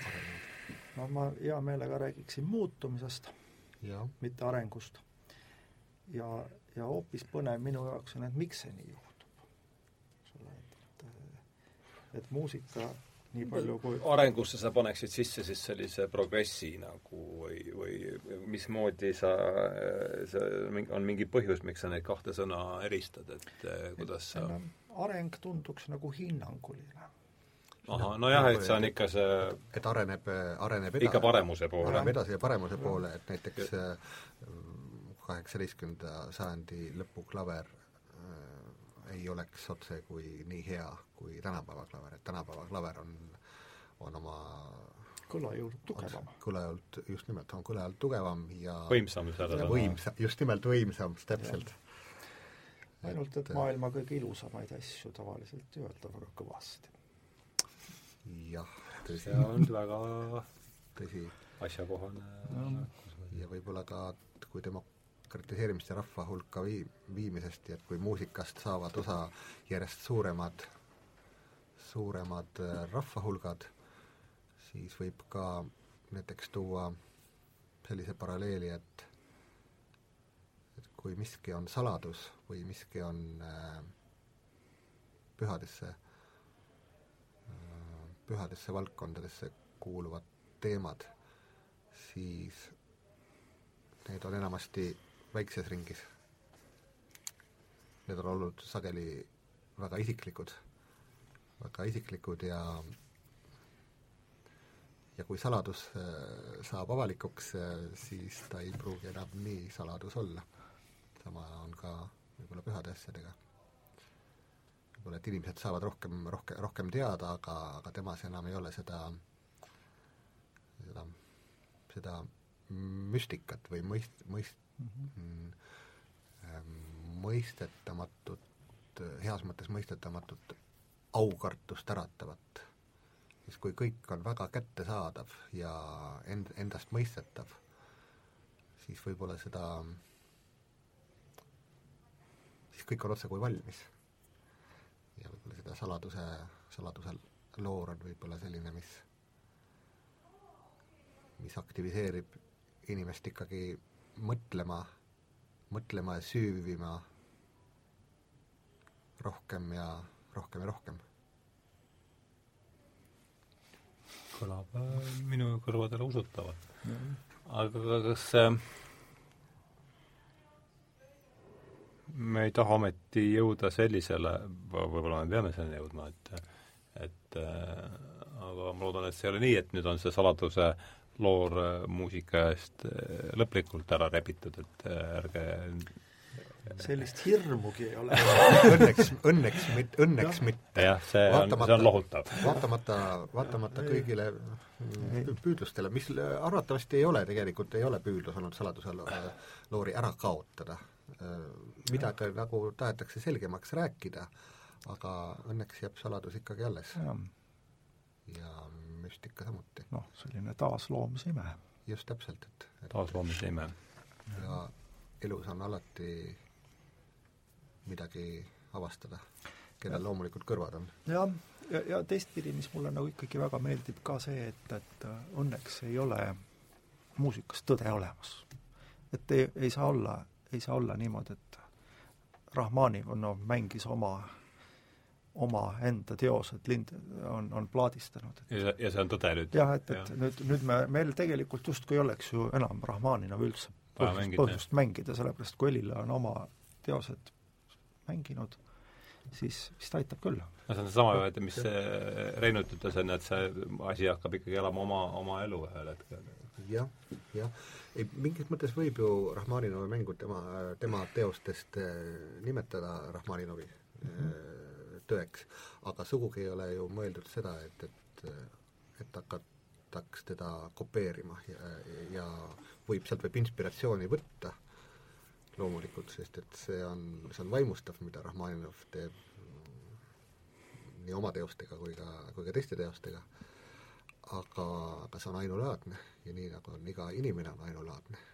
et, et igaüks leiaks oma, oma tee ka, ka muusikateoste, muuhulgas ka muusikateoste avamisel mm. -hmm. ja, ja see on nagu juba päris hea alibi miks, miks me võime minna julgelt süvitsi varase muusikaga, eks ole, sellepärast et tihtipeale öeldakse, et noh, poisid, kaevate seal, eks ole, tahate nüüd seda tõde kätte saada mm. -hmm. loomulikult tahame, miks ja. me ei taha, eks ole, ainult aga me, me ei saa seda kunagi. sellepärast, et iga, iga aga see tõde oleks siis see, mis on see tõde, kas see tõde on siis jõuda selleni, mismoodi seda sel ajal mängiti või mis, kuidas te seda tõde küsimus on minu jaoks vähemalt selles, et et hea küll, need, need helilood, keda mängime, on, on surnud ja ma tegelikult, me ei olnud tuttavad, me pole kunagi näinud. Ja, ja mina kui interpreet, ma tahan, ma tahan pakkuda nagu parimat oma kuulajale. ja, ja nüüd on mul valik. üks on see, et, et ma, mind nagu ei huvitagi, mis helilood teada tegi ja mis ta tahtis või mis keelt ta rääkis. ma räägin seda, et, et aa, see sobib, ma saan seda lugu nii mängida. ja, ja see peaks hästi töötama. eks ole, sellist ehk, ehk väga, väga interpredi keskne, eks ole. ja nüüd teine, teine on ikkagi helilooja keskne. ja siis öeldakse, et äh, niikuinii ei saa ju täpselt niimoodi mängida. muidugi ei saa. aga, aga ma arvan, et selline hea, hea interpretatsioon on paratamatult segu ajaloolisest esituspraktikast ja esitajast, sellepärast et esitaja noh, nagu ennast ära suretada ei saa, eks ole, ta peab mingil hetkel vastu võtma otsuse, sest mida rohkem meil on küsimusi, seda parem reeglina me ei oska nendele, nendele küsimustele vastata. aga ärgu see meid heidutagu, vaid vastupidi. meil on vähemasti huvitav. me, meil on huvitav, meil, meil on inspireeriv ja nüüd äh, sellisel kummalisel kombel see jõuab ka, see jõuab ka natuke saali, see jõuab ka publikuni mm. -hmm. ja, ja peale kõige mu tänu sellele, et, et nii see, et teil on huvitav, see jõuab saali? jah, just mm.. sest see on naljakas, tähendab, ma võin ju võtta võtta mingisuguse loo ja mängida selle hirmsasti enda keskselt. Äh, noh, ma põhimõtteliselt, võib-olla see on nüüd natuke mustvalge, aga põhimõtteliselt on ju ka nii võimalik, et et muusik teenib muusikat ja on ka teistpidi võimalik, eks ole, et, et ma kasutan ära olemasolevat muusikat enda, enda eduks ole, aga see, see mõttelaad on oma olemuslikult erinev. et äh, küsimus, et kas mina muusikas või muusika minus? jah mm. -hmm. ja, ja no, nüüd see on jah, niisugune igi, igivõline jah ja. kas mina kunstis või kunst minus ja see on kõik see, millele on ju kirjutatud näidendeid ja raamatuid ja kõike. Jah, ja, ja nüüd seesama asi, et kui keegi tõe, tõepoolest süveneb ja, ja toitub nendest võimalikult algmaterjalidest, eks ole, siis, siis see on nagu ka usalduse küsimus, sest kui, kui ma valin mingisuguse helilooja, siis ma, mul peaks ikka mingi, mingisugune põhjus on, miks ma, miks ma teda valin. ja kui ma valin, siis mulle tähendab, siis ma usun, et, et see oli, see oli hea. Ja kui ma aru saan, mida tema sellega mõtles, siis see kokkuvõttes ikkagi tema teeb minu minu interpretatsiooni tugevamaks. ja kui, kui ma, kui see piirab mind ja, ja, ja ma ei mahu sinna sisse, siis oleks nagu suhteliselt aus oma muusikat kirjutada, tähendab, sest see, meil on ju nii suur valik, me ei pea mängima. tähendab, meil on, kui, kui enne vanasti noh, baroki ajal oli barokimuusika ja no nii edasi, siis, siis praegu sinu muusika on ilmselt kaheksateistkümnenda sajandi muusika, Reinhold, eks ole? see on ju sinu muusika võib-olla veel midagi, eks ole, aga, aga see, see ei ole lihtsalt muusika ja, ja samas kellegi muusika on folkmuusika ja, ja kellegi muusika on sümfooniline muusika ja me oleme kõik need asjad toonud rõõmsasti nagu meie aega ja see pilt on, pilt on nagu kirju. Ja, ja nüüd on, on kaks teed, üks tee on see, et, et me segame värve, alati võib see värve segada. ja, ja värve võib puhastada. ja, ja noh, mõeldakse ju küll, et kui me paneme kõik asjad kokku, valguskunstnikud teavad, et kui me paneme kõik spektrivärvid, siis me saame kõige kirkama värvi, selle valge värvi, aga kui meil juhtub olema, eks ole, guašvärvid, siis me, siis tuleb mingisugune porine hall kokku, eks ole. et, ähm, et nagu ei saa öelda, et üks teguviis on, et, et see sulatamine alati hea on aga ma tahakski siit ähm, viia jutu sinna vestluse algusesse, et Reinhold rääkis siin enesetutvustusest, et hakkas, hakkasid pihta klaveri äh, pianistina, eks. ja siis ühel hetkel ma saan aru, et huvid kandusid siis vanamuusika poole ja, ja, ja klavessiini poole, et võib-olla vahest räägid sellest natuke, et mis see võib olla selles kontekstis huvitav oh.. et, et mis, mis sind sinna, mis sind, oskad sa nimetada midagi, mingeid asju, mis sind sinna, sinnapoole lükkasid? Minevik ja ajalugu on alati väga, väga köitnud. ja mu, mu armas õpetaja El Saviauk kunagi, kunagi meenutas, et ma läksin äh, neljandas klassis ühte tundi ja küsisin, küsisin talt sellise lapseliku, lapseliku õhinaga sellise, sellise küsimuse, et, et kes on maailma kõige vanem helilooja ja mis ta vastas? siis ta, ta oli päris, ta oli päris nõutu.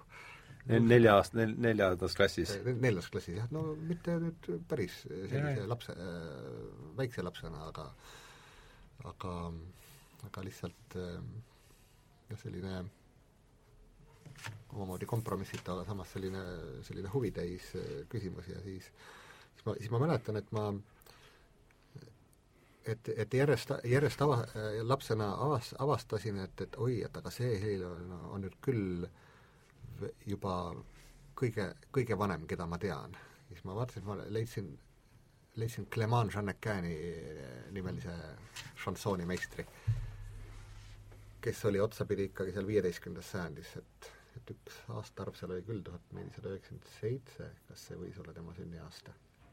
midagi taolist šansoon on nüüd äh, no tegelikult on see laul. laul, jah. laul, jah, just, just., aga Itaalias siis nimetati madrigale nendeks ja Prantsusmaal nimetati laule šansoonideks rohkem. on see mingi iseäralik laul? jah, Jeannequinil küll, et äh, tuli selliseid olustikupilte äh,, ilmalikud laulud äh,, kir-, olustikupilt äh, olustikke kirjeldavad äh, laulud, nagu tal on sellised äh, numbrid nagu lindude, lindude laul, Pariisi hääled, isegi naiste klatš olevat, olevat seal, et väga, väga värvikalt on ta neid kirjeldanud. aga noh, sel ajal ma ei teadnud tema, ma ei olnud tema muusikat kuulnud, ma kuskilt kuskilt raamatust leidsin. kuidas see nimi, kuidas selle nimi, selle prantsuse nimi oli? Clement Jeannequin öeldakse jah, ega mul see, seda ma nüüd ei kõrva järgi prillid pane. kõrva järgi ei kuule. no mina saan siin järjest targemaks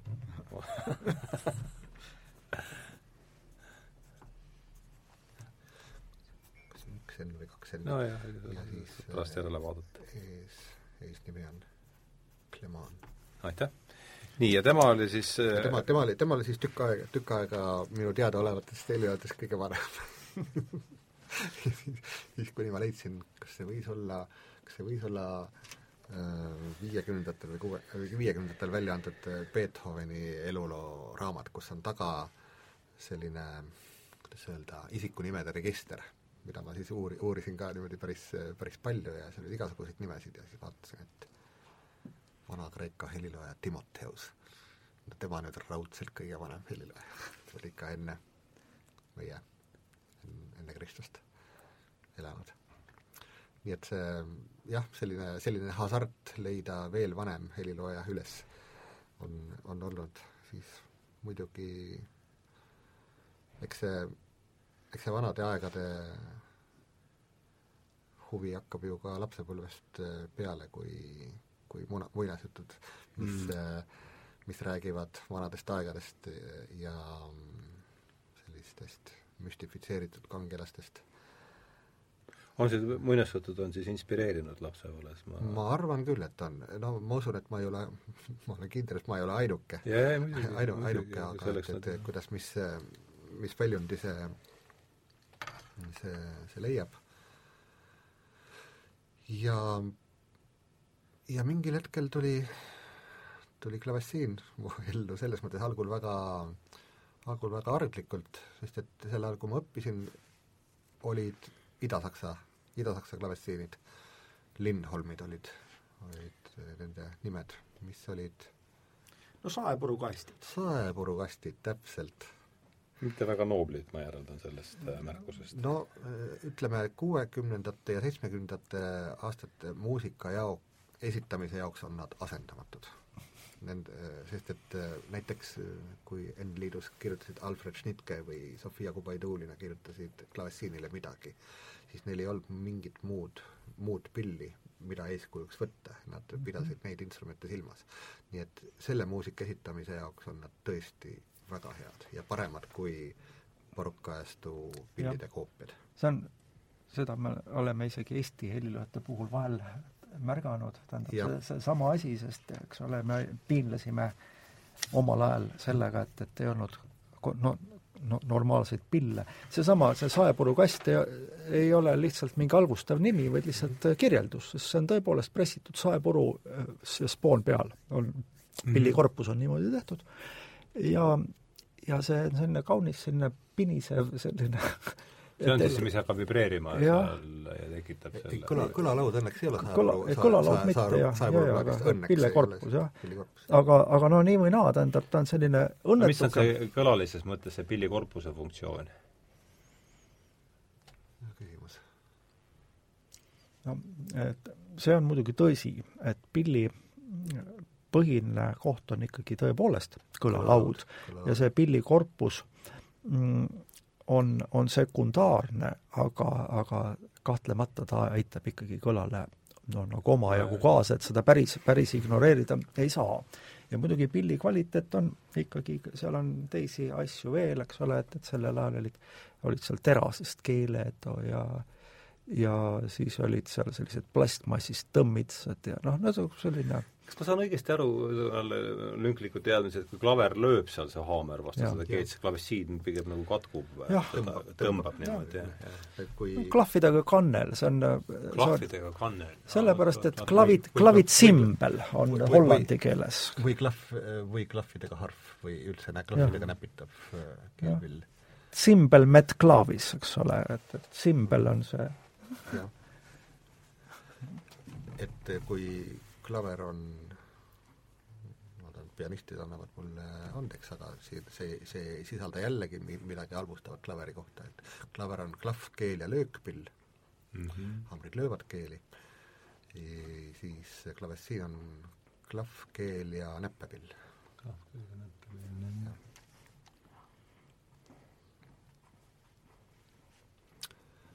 nii, ja kuidas nüüd nende pillidega pillidega oli, nägin mingil hetkel, et Muusika Keskkooli B-majas, kas siis kakssada üheksa seisis üks, üks pill, mida ma ei olnud varem näinud. tegin selle pilli lahti, õieti seal oli, seal oli õpetaja Virve Lippus, kes äh, ükskord näitas mulle seda pilli, pill oli ilusti lukus, aga seda sai õnneks äh, tolleaegsete kirjakasti võtmetega hästi lahti.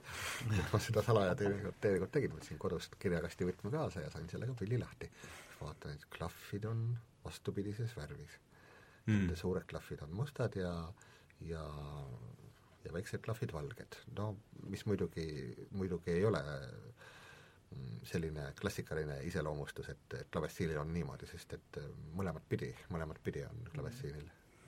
Et äh, võivad värvid olla samamoodi ka äh, nagu klaverilgi, et, et suuremad klahvid on heledad ja väiksemad tumedad.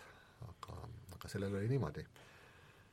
ja siis ma proovisin seda, seda pilli ja väga ja proovisin mängida mõnda vanemat lugu, mida ma klaveril mängisin ja vaatasin ka, et kõla on jällegi hoopis teine, mingit võrdlusmomenti ei olnud öö, peale nende, peale nende Ida-Saksa pillide, sest see ikkagi tekitas, tekitas minus väga väga, väga, väga tugeva hingevärina tegelikult.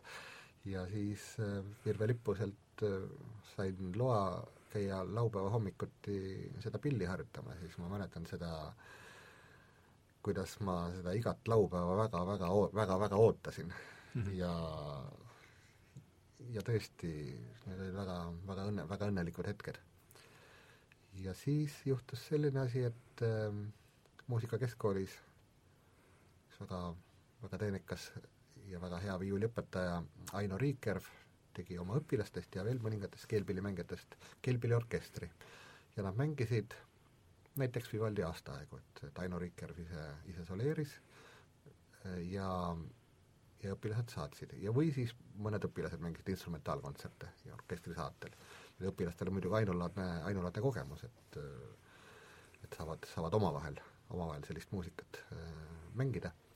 Ja seal on loomulikult klavessiini vaja, ma mäletan, et, et orkester mängis sageli ka klaveriga küll, aga siis kuna meie pil-, meie koolis oli, oli klavessiin olemas ja, ja millegipärast pakuti seda mulle mängida. ma mäletan, et Kai Ratas mängis ka, mängis ka siiski seal äh, üks õpingukaaslane ja praegu väga tuntud pianist, äh, mängis, mängis ka selle orkestri koosseisus ja, ja mingil hetkel pakuti mulle seda ja, ja siis sai muidugi orkestri koosseisus mängida continuo partiid.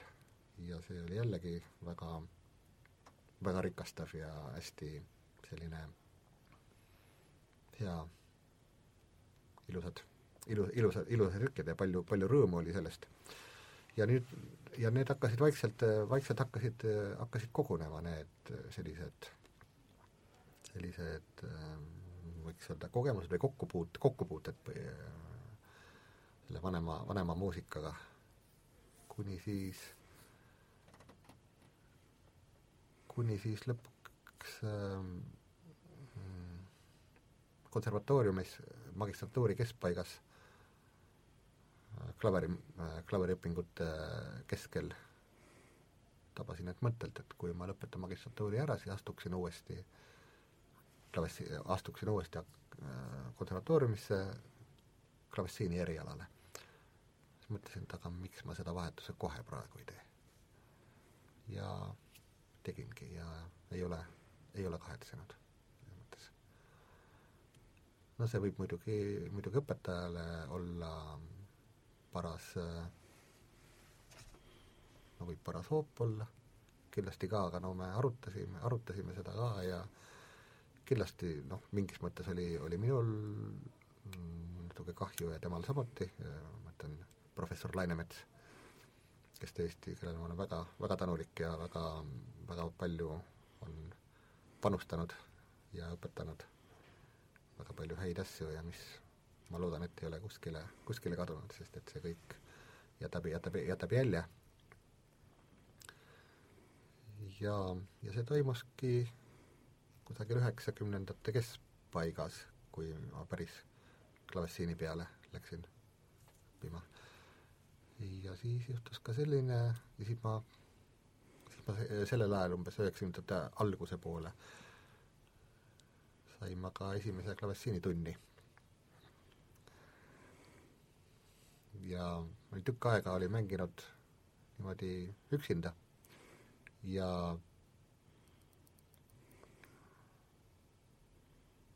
siis juhtus niimoodi, et, et pakuti Elleri kooli orkestriga mängida Bachi viiendat Brandenburgi kontserti. ja siis ma mõtlesin, et vot nüüd on küll tagumine aeg tundi minna. ja, ja loomulikult mäletan kui tohib, siis ja, ma, siis ja. ma torkan ikkagi vahele, et, et seal viienda Brandenburgi kontserdi ma panin ka selle kirja, see tekitas teil elevust, et jah, seal, seal on üks, üks selline ikka, ikka väga, väga uhke, üks, üks keerulisemaid klavessiini soolosid üle, üle, üleüldse. see pole see pole niisama lugu klavessiini mängijale, muidu kui orkestris vahel mängib ta nagu saate rollis, siis seal on äh, seal on äh, klavessiin soolopilv. ta sis-, sisuliselt on, peakski olema esimene klavessiinikontsert üldse muusika ajaloos mm. -hmm. Bachil on muidugi kokku vist kas kaksteist või kolm, kolmteist klavessiinikontserti, et seitse ühele ja siis veel mitmele klavessiinile ja orke-, orkestriga, kellpillidega. aga see nüüd on enne kirjutatud, enne neid mm. -hmm. ja mis ma muidugi mäletan oma äh, õpetaja Imbi Tarumi äh, näoilmet, kui ma talle selle looga esimesse tundi läksin, et ma praegu ise mõtleksin ka, kui õpilane tuleks mul esimesse tundi selle kõige raskema looga, siis äh, võtaks, võtaks ikka päris nõutuks, et äh, et esiteks, et äh, mis ta õige mõtleb ja teiseks äh,, kust otsast nüüd alustada. et äh, loomulikult ei olnud kõik äh, sugugi mitte kõige, kõige paremas korras, aga, aga entusiasm oli õnneks olemas. ja aga ta oma väga, väga targal ja, ja rahulikul ja inspireerival ja julgustaval moel ikkagi hakkas sellega, hakkas sellega ei öelnud, et ära, ära, ära mine selle kallale? jah, ei, seda ta ei öelnud, seda ta ei öelnud jah, et selles mõttes jällegi väga tänulik talle hmm.. aga et ta kannatas selle noore, noore inimese kes see õpetaja oli? Imbi Tarum. töötab praegugi Muusikaakadeemias ja, ja tõesti suurem osa Eesti klavessiniste on tema, tema juures õppinud, suurem osa. nii, aga kuulame vahepeal, kuidas Taavi see, see, sa rääkisid algusest peale või sul oli see vana muusika, jõudis ja. kuidagi mis oli see küsimus, Reinutit hingestas see küsimus, et, et kes on kõige vanem helilooja? Et mis oli see küsimus, mis sind pani?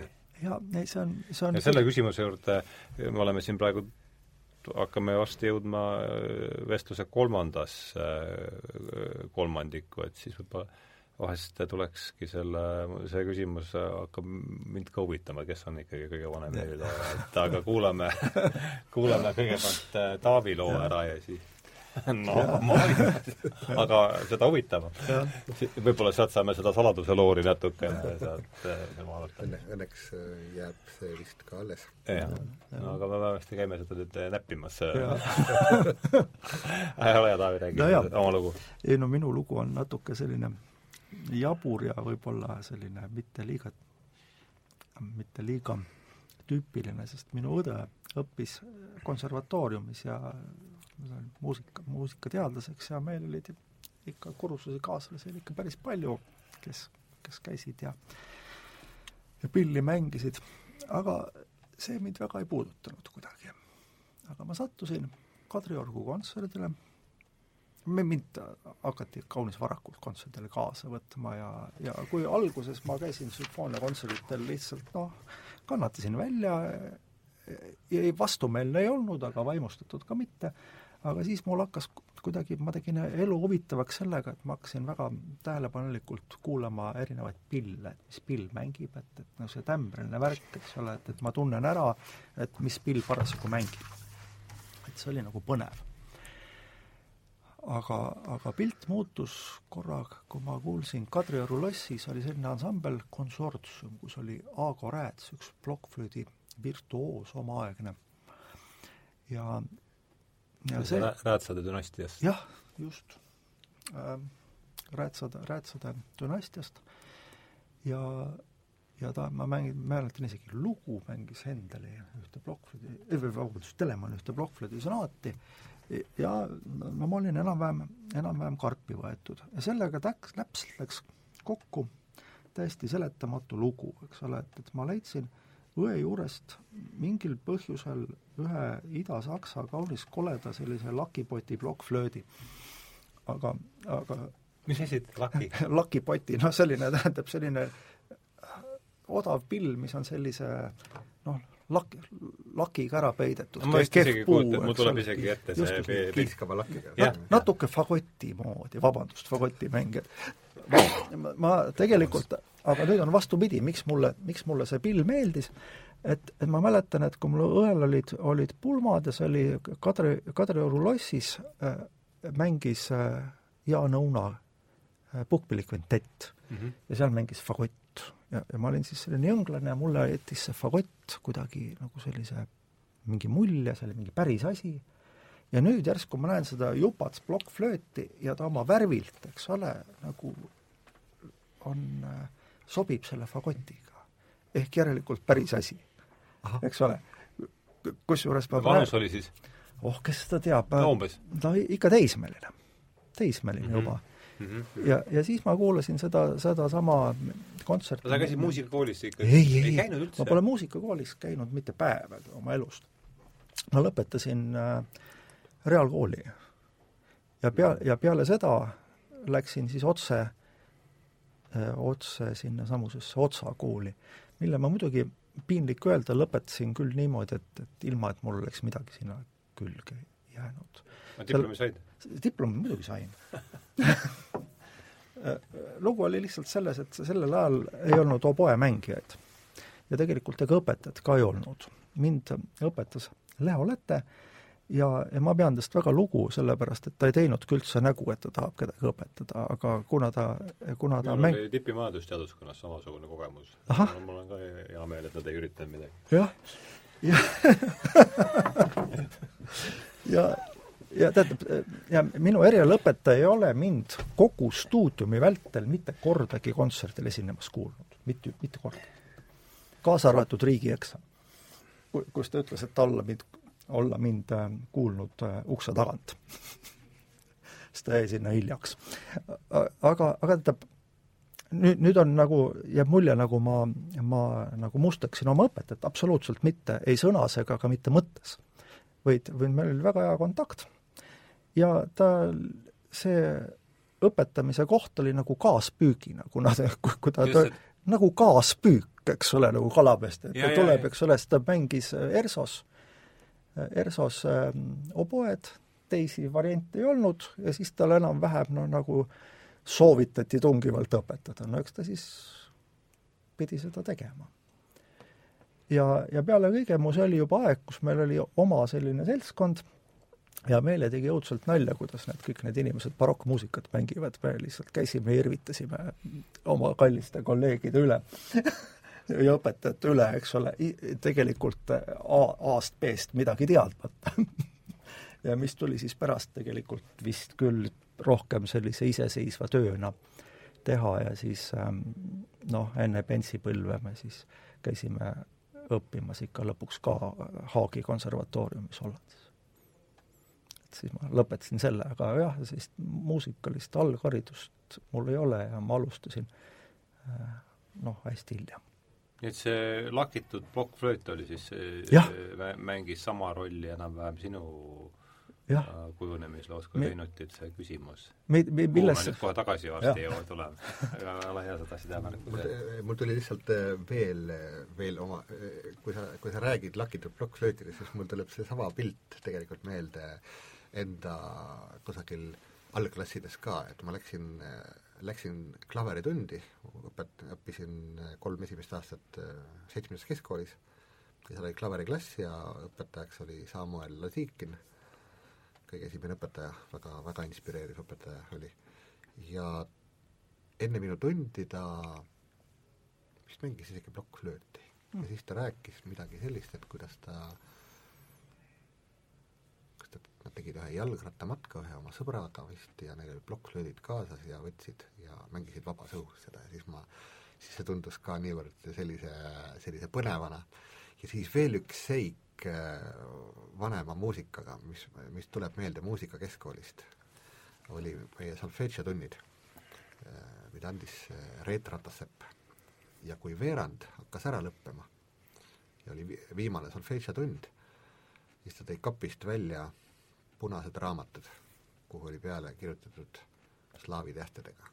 Palestrina, Haravõje, Praisvedenia ja hakkasime neid laulma siis oli küll selline tunne, et et no täiesti seitsmendas taevas oled, umbes nii, et see oli, see oli nii no, kõik, kogu selle, selleks ajaks oli ju muusikalist kogemust ju no, ikkagi oli ju. ikkagi natuke küll, jah. no see oli ka kusagil neljas, viies, kuues klass või midagi no,, midagi, midagi, midagi vara, vara, varasel ajal, jah. ja vot see on ka sellise jälje jätnud, et see tohutult, tohutult meeldis mitte, mitte sellepärast, et viimased tunnid olid, vaid et need viimased tunnid olid just sellised.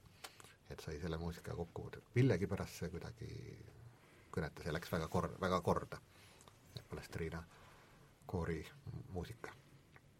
Laulsime seda küll vist kas noodinimedega ja vahetevahel jõudsime tekstini ka, aga teksti sisu loomulikult äh, ei jõutud lahti seletada tol ajal, aga aga jah see oli niisugune aga mis on siis selle, noh, ma saan juba seal küsi-, enne küsimuse esitamist aru, et see on natuke rumal küsimus, aga ma küsin ikkagi, et mis see, mis see võis olla, mis sellest Palestriinast siis äh, tol ajal tekitas sellist mingit äratundmist või? ega seda ei olegi väga lihtne see no, lihtne, räägin, liht, see, lihtne seletada ja see üks loll võib rohkem küsida kui aga see ei ole, aga, aga see, see ei ole sugugi, see ei ole sugugi rumal, rumal küsimus. vastaja on praegu rumal, et ei oska vastata sellele täpselt, aga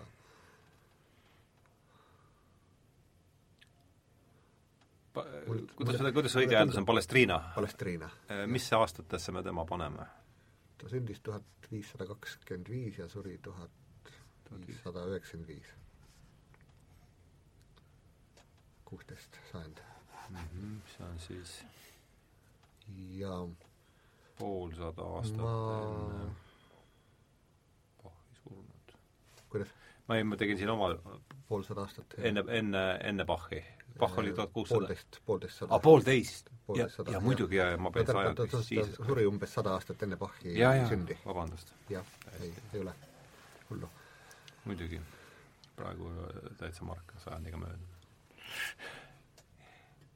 ikka täitsa sfääride muusika, see Palestriina muusika tegelikult äh, et muidugi need kooskõlad, mis hakkasid seal kokku tu- tulema, aga, aga see, et kuidas, kuidas kõik liinid on täiesti, täiesti iseseisvad, see ei ole akordiline muusikas, kus hääled liiguvad sünkroonselt, vaid, vaid äh, igal häälel on, on oma liin ja samas kokku kõlab niivõrd äh, ilus ja täi-, täiuslik, et see võib olla see, mis, mida oskaks niimoodi väga üldsõnaliselt öelda selle muusika kohta, mis, ongi- mis kas see- köidab siiamaani. kas see ongi nagu ju nii, nii vähe, kui mina sellest tean, kas see ongi see polüfoonilise muusika äh, siis nagu taotlus või et seesama, mida, kuidas sa väljendasid, et iga, kõik hääl, iga hääl kõik hääled on iseseis-, iseseisvad aga kokku, ja kokku samas kõlab., ja samas nad mm., samas nad haakuvad üksteisega väga hästi.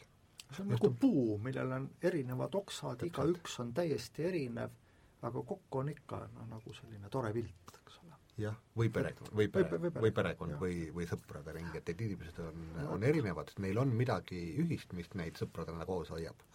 aga nad on, nagu ikka, iga inimene on ainulaadne. ja iga inimene oleks seal siis nagu üks hääl selles. näiteks võiks ju ka niimoodi, niimoodi, võrdlus- niimoodi öelda, just. et erinevus ja ühtsus, ühis, ühisus. Ma nähtavasti ei seletanud seda tol ajal sugugi nii nende sõnadega, et see erinevus, ühtsus, aga ma olen tagantjärgi aga kuidas see nüüd sellesse, mul on tunne, et see mõiste kontrapunkt eh, peaks haakuma ka selle, kuulub nagu sellesse mõiste perekonda või jah, peaks küll. kuidas me seda minusugusele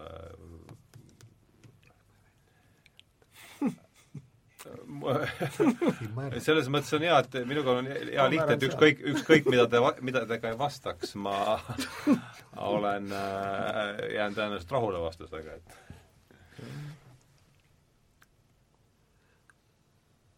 no see on ju ikkagi, ikkagi nii, et äh, et igal häälel oma, oma liin ja, ja kuidas neid hääli juhitakse.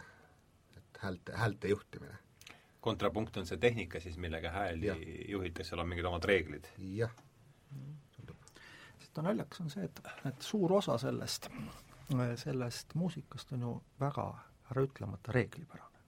mm,. jah, sellest ma Ja- sain aru, ja- kui me siin olid Toomas Siiton ja Jaan Ross jah, rääkisid sellest, meil eh, Bachis küll konkreetne saade, sellest ma sain aru jah, et see on väga-väga reeglitele allutatud. ja, ja nüüd on huvitav Asi. see, et, et, et võiks, mõelda ikkagi, et reeglid on ju halvad asjad, mis mis piiravad inimloomust, eks ole, ja, ja vabadust. seda juttu me oleme kuulnud eh, viimasel ajal päris palju. jah, aga, aga millegipärast noh, see muusika ikkagi, see kogus, kui palju on meil kuueteistkümnendast sajandist muusikat, see on vabustav. Üks pisike väljaanne Hollandis, kes annab välja faksiimile noot kuueteistkümnenda sajandist ja selline üksik üritaja ja ja siis ma kuulsin mingisugust sellist lugu, et, et keegi oli noh, nagu vaimustunud, et kuidas ta saab nii fantastilise valiku teha, et kogu aeg on nii head lood. ja siis ta, tema aus vastus oli, et ma ei vali. Ma ei vali üldse, ma võtan jutti. eks ole, et, et tänu, tänu mingisugustele reeglitele, noh, seal mingisugust täielikku väga halba muusikat Need reeglid välistasid selle see, see, see suht-, suhteliselt, tähendab, minu jaoks ma ei ole kuulnud ühtegi selgelt väga kehva, kehva, väga nõrka kuueteistkümnenda sajandi lugu. ja, ja, ja, ja nüüd on niimoodi, et mida edasi me tuleme, noh, see, seda mitmekülgsemaks see nagu pilt läheb, aga samas, kui me noh, kas, kas või võtame mõ- mõne Ludwig Senfel näiteks, kõik, kõik on reeglipärane, sellele allutatud, aga kui erinev see võib olla, eks ole, et, et et nüüd nende reeglite sees on meil ometi hästi palju võimalusi. aga need reeglid aitavad kaasa sellisele erilisele korrastusele, korrastatusele, mis, mis on äh, inimesele hea. ja nagu klassikud armastavad öelda, et tõeline vabadus rajaneb korrale. ma olen ka väga seda, seda meelt, et vabadus või tähendab, reeglid teevad vabaduse võimalikuks üldse. jah, just. aga siin on äh, noh, jah, arvan, et ja, ja noh, selles võib-olla natukene haakub ka sellega ei ole populaarne seisukoht tänapäeval.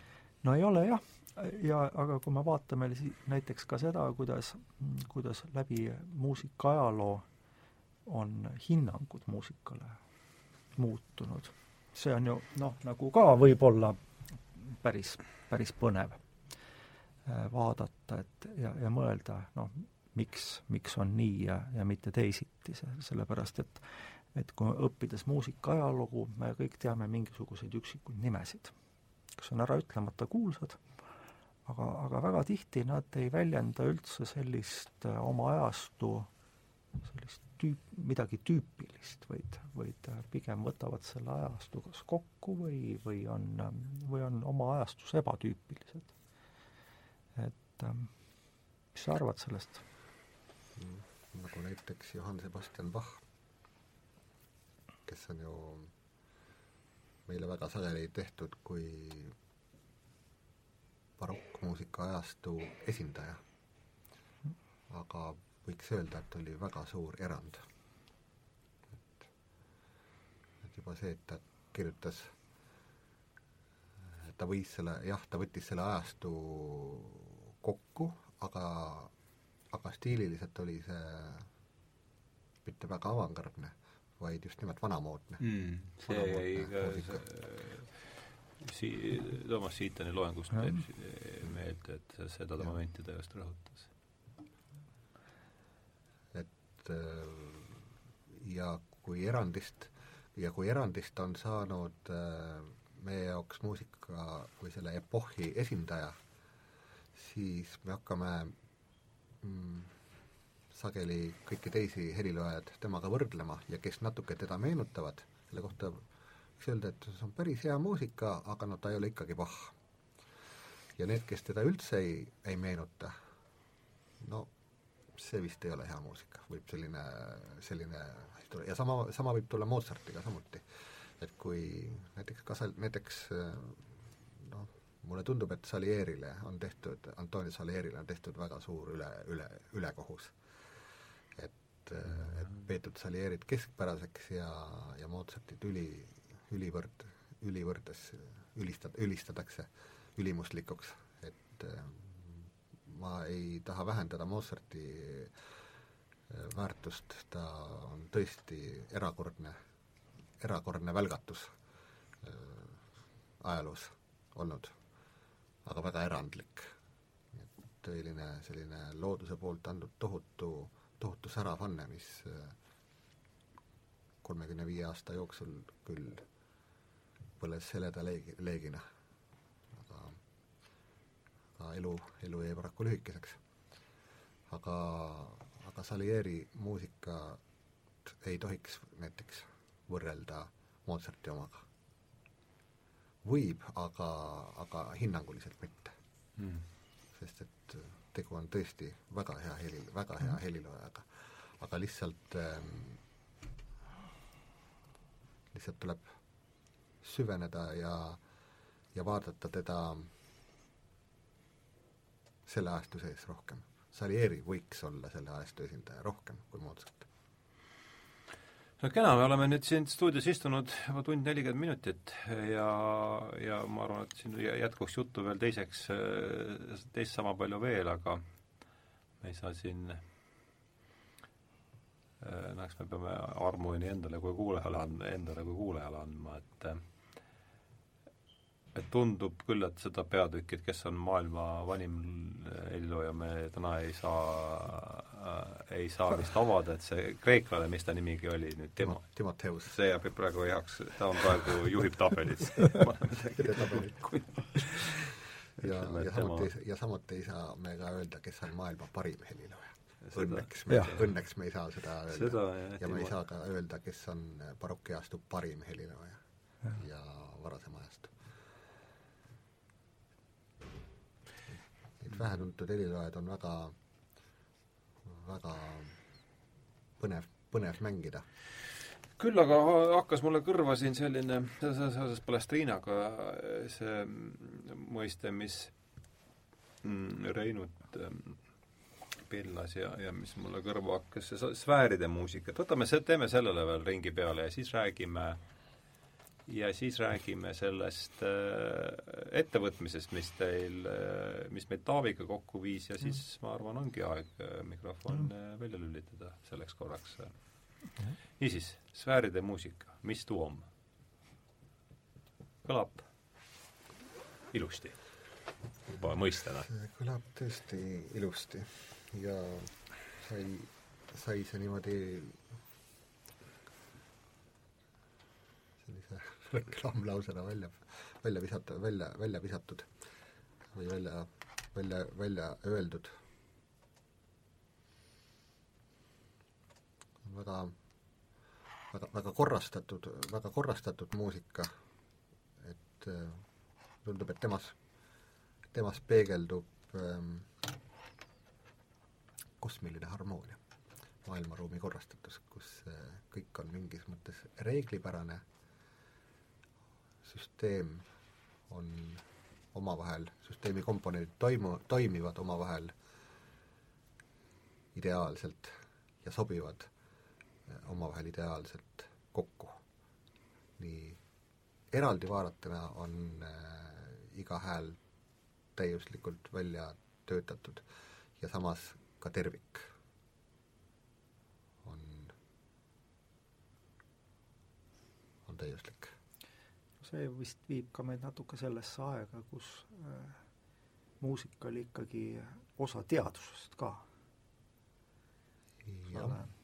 sellepärast et, et noh, alles see nüüd oli, kui, kui oli mure, et kilogrammi definitsioon enam ei sobi, et oleks vaja uut definitsiooni kilogrammile.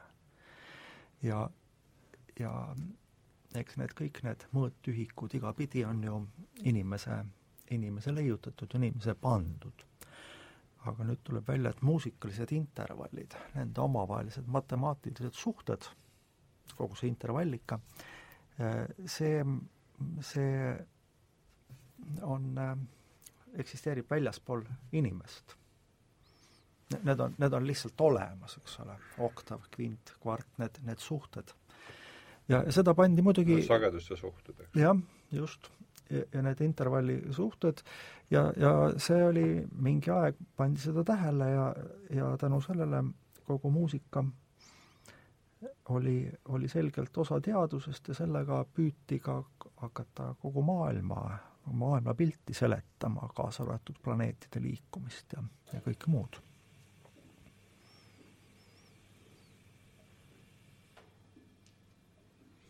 jah.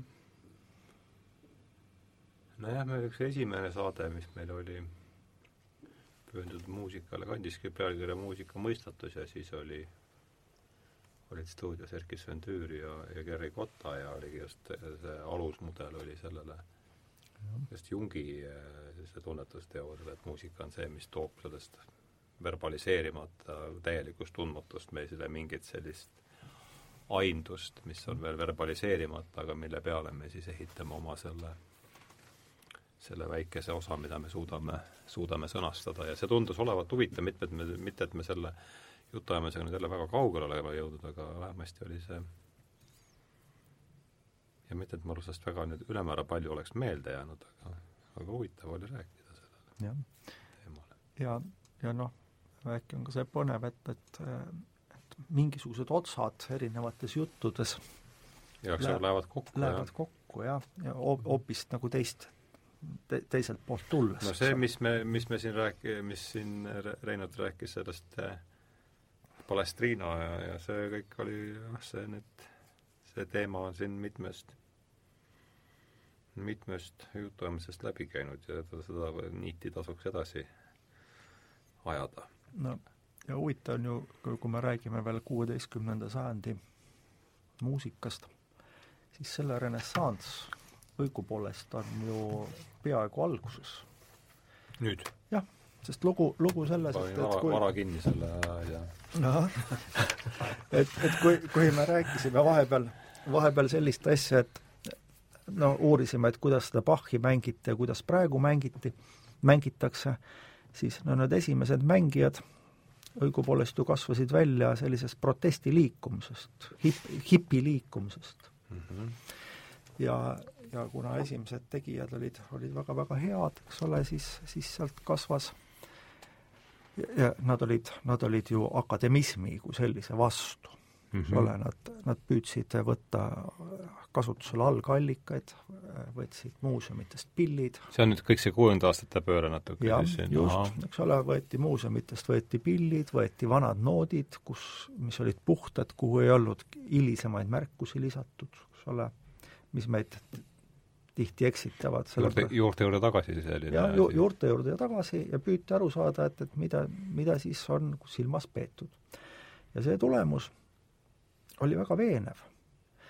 aga, aga põnev on sealjuures see, ja sealt kasvas terve koolkond välja, et kuigi oli tegemist akademismi vastane see sellise liikumisega, siis revolutsionääridega tä-, täiesti täielike revolutsionääridega, siis äh, üks, üks võib-olla inimene, kes on on väga suur mõju üldse kogu muusika muutumisele, Franz Brüchen, tema, Franz Brüchen. Saksa? ei, see on Hollandi. Brüchen. Brüggen. Brüggen. Brüggen, kahe G-ga. jah. Brü-. jah, sain juba aru. jah, ja, ja tema linn aga, aga enne on juures. ja, ja tema oli siis äh, see oli kakskümmend üks vist või kaks, kui ta, kui ta, kui ta maandus Haagi kuningliku konservatooriumi professori ametikohal. kahekümne ühe aastaselt? jah, et aga tähendab, parado-, miks ma seda räägin, et, et tegelikult kõik needsamad revolutsionäärid, need, kes olid sellise akademismi vastu, endale teadmata lõid, lõid uue akademismi laine. eks ole, kui inimene oli äh, kahekümne ühe aastaselt või, või kaks, ma, nüüd ei oska täpselt öelda, oli, oli professori ametikohal. Siis ja, ja sealt kasvas muidugi, see oli tohutult populaarne, neid vanamuusikapille õpetati peaaegu kõikides kõrgkoolides, eks ole, ja, ja siis, mis juhtus interpretatsiooniga, sellepärast et alguses, algaast-, aastatel oli tegemist väga suure, no tõepoolest, noh, kui ma ütlen vennalik pere, siis see mõjub kuidagi, sellel on võib-olla juba paha maitse juures, aga aga, aga see oli tõe, tõeline ühtehoidev kogukond. aga kuna see, see muusika muutus äraütlemata populaarseks, siis tekkis loomulikult üleproduktsioon ja siis tekkis probleem selles, et, et kui mina olen näiteks plokkflöödimängija ja tahan äh, salvestada Hendeli plokkflöödisonaate, ja sellest on juba viisteist salvestust olemas mm. -hmm. siis küsib produtsent minu käest, et aga millega ma löön ja, ja siis ma pidin tegelikult midagi ju teistmoodi tegema, muidu ei olnud võimalik ja kuidas ma seda teistmoodi teen, ma, ma püüan mängida intensiivsemast, kõvemini ja kiiremini. sest mul on vaja nagu eristuda. et ähm, et siis need samad kaks vastandlikku poolt, see akademis-, akadeemiline pool ja siis need vanamuusikamängijad, äh, kes alguses tundusid nagu sellised kaks lepitamatut leeri, nad vaikselt hakkasid äh, üksteise poole tagasi liikuma. no see kõlab nagu kõik, kõikide revolutsioonide selline tüüpiline, küllaltki tüüpiline stsenaarium. jah, ja, ja, ja sellepärast, et, et lihtsalt äh, nüüd tuleb mängu interpretatsioonis seesama, seesama termin turg, ma pean, ma pean kuidagi ellu jääma ja, ja ma pean oma interpretatsiooni igal juhul muutma, ma pean eristuma. ja ellujäämisel mulle tundub, et see kõlajõud on ka üks oluline, vist oluline Jaa, ikka, ikka. muutuja, demokratiseerumine ja kõik need Jah. asjad. jah, aga me ei saa, ütleme, me, me ei, me ei saa nüüd rohkem peatükke, peatükke avada, mitte et ma Jah. tahaks seda, mitte et ma tahaks seda jätame teise saate jaoks ka midagi, ma kardan, et meie, kui muidu Jah. meie kolleeg kõrval võivad muutuda närvilisteks, et et ähm, rääkige siis veel lõpetuseks palun sellest, et mis teil eel, eeloleval nädalal kavas on. ja juba, ma saan aru, ju pidustused käivad. jah, see on äh, festival algas või algab, ma ei teagi, kuidas nüüd Te teete mõlemad koos seda Jah. muidu, jah? jaa, et see on äh, kahekümne neljandal novembril ehk Ah, hakkab siis ju homme. see on homme, homme on esimene? homme on esimene no kontsert siis. aa, me oleme eetris, oleme ülehomme, jah. Just. et selleks ajaks on esimene kontsert tehtud ja see on kuni teise, esimese advendini. ehk me võtame siis enda alla sellise kõige pimedama ja, ja süngema aja. Omamoodi looma, eks ole, mis, mis äkki toob pisut sellist rõõmu ja valgust. mis muud. ja, ja siis igal festivalil on ju mingisugune ajend, et miks seda üldse hakata ajama. ja ma olen nagu mõelnud sellist asja, et äh, selleks ei pea olema mitte Jüri Kuuskemaa, et vanalinnast rõõmu tunda. eks ole, me, me kõik oleme kaunis ühel meelel, et, et see on meie pärl, ja me räägime arhitektuurist. arhitektuuriga on selline omapärane, et, et hea küll, seal on küll võib-olla teised värvid natukene või mõni uks või aken on ära vahetatud, aga aga ta on suhteliselt hästi säilinud, kompaktselt. ja, ja meile sobib see väga hästi. ja nüüd ma ei näe ühtegi põhjust, miks selle aja muusika võiks meis mingisuguseid teisi emotsioone esile kutsuda. et ähm, see arhitektuur ehk, ehk üks kunstivorm nii-öelda on, on see, mida me ka tänapäeval kõige rohkem hindame ja nüüd seesama muusika, ma olen kaunis kindel, et mõjub täpselt samamoodi. aga nüüd, et oleks nagu raamid jutul, et kui alguses oli jutus nendest esimese oktoobri kontsertidest, et inimesed lihtsalt nagu ei, ei, ei, ei, asjad. jah, et nad ei, ei tea tahta seda, mida, mis kõlab ja teistpidi mm, no õnneks aeg-ajalt kõlabki head muusikat, ka, ka Eestis nii, nii oma mängijatelt kui külalisi käib siin päris toredaid, aga need on kõik need ettevõtmised on suhteliselt juhuslikku laadi. ja, ja praegu meie kuulajal on õnneks väga suur valik, me saame ühel õhtul kuulata kas sümfoonilist muusikat või, või minna džäss, džässiklubisse või, või kaasa elada mingisuguste rahvaste muusikale, et, et see valik on lai ja, ja nii ei saa, me, me ei kuidagi tahta, et et meie kuulaja on iga žanri ekspert. ja, ja sellepärast ma arvan, et me ei tohi kuulajat kunagi petta. Et noh, muidu on ju nagu lihtne, et kui ma ostan poest kingad ja tuleb välja, et on, on, olen kalossid ostnud, eks ole, siis, siis tarbijakaitse tu-, tuleb, tuleb appi.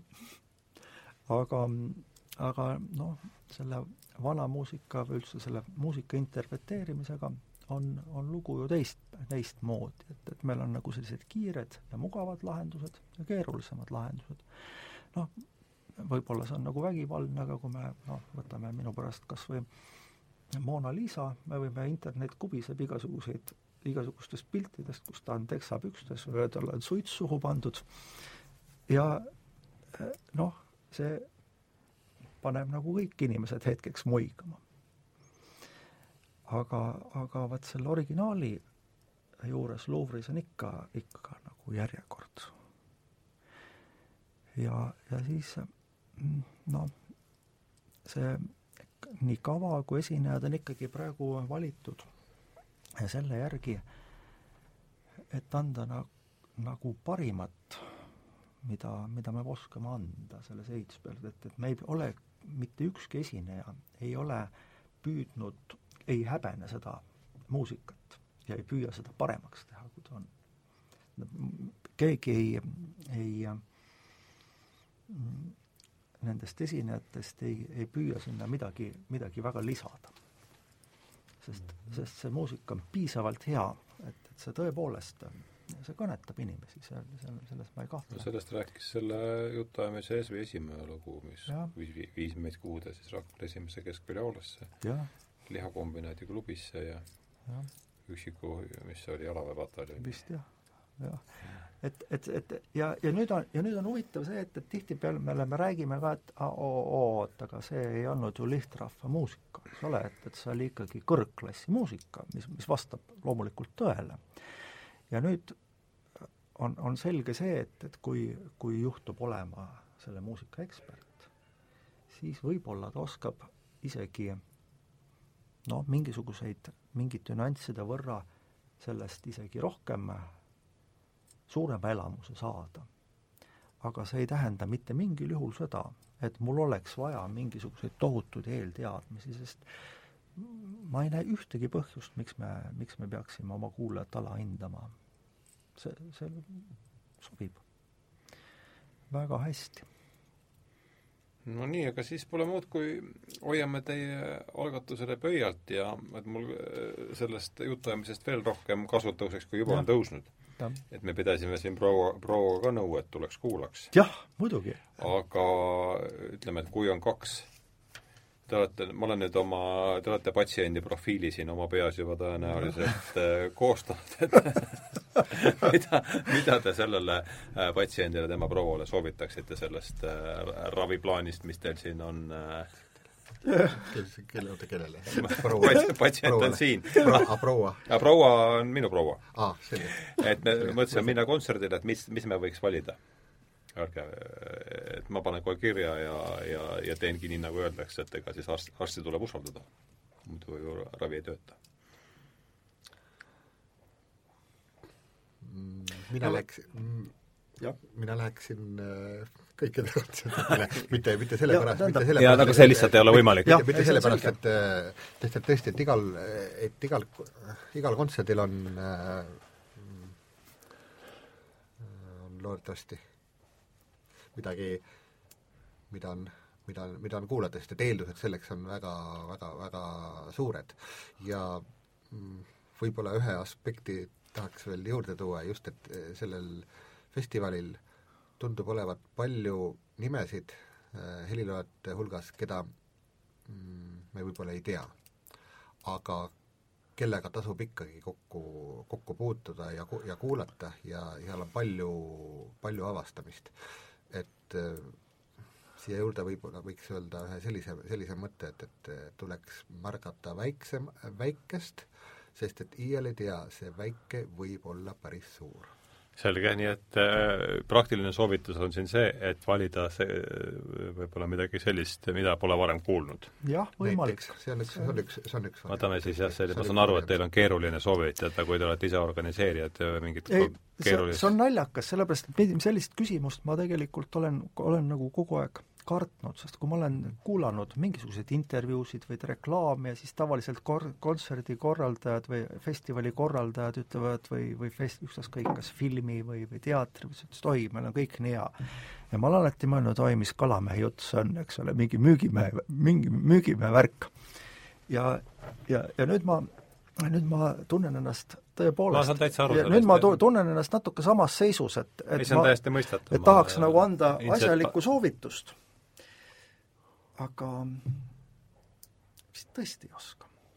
no ma võtsin kaasa selle mõtte jah, et valida täitsa niisugune heliloost, millest polegi varem eh, suurt midagi kuulnud ja hüpata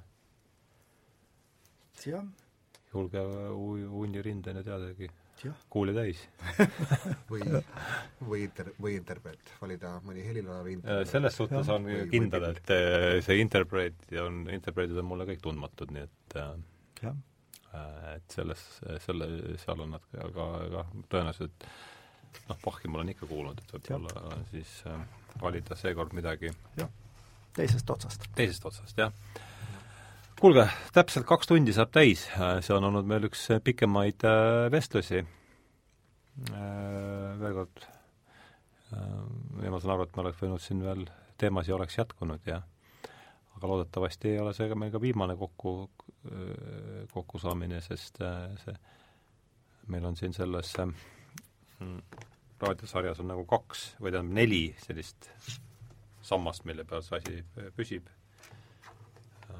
füüsika, muusika, psühholoogia ja mütoloogia ja ja nii et muusika juurde me tuleme igal juhul, igal juhul tagasi ja mul oli väga hea meel teid, mul oli väga hea meel, et teid siin taas stuudios tervitada. Rääkisime siis täna vanamuusikast, erinevatest, selle erinevatest aspektidest ja minu saatekülalisteks olid Taavi-Mats Utt ja mm, Reinu Tepp.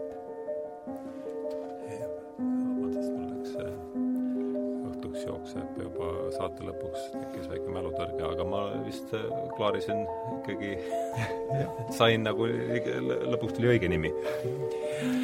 et vabandust selle väikse keele viperuse pärast, et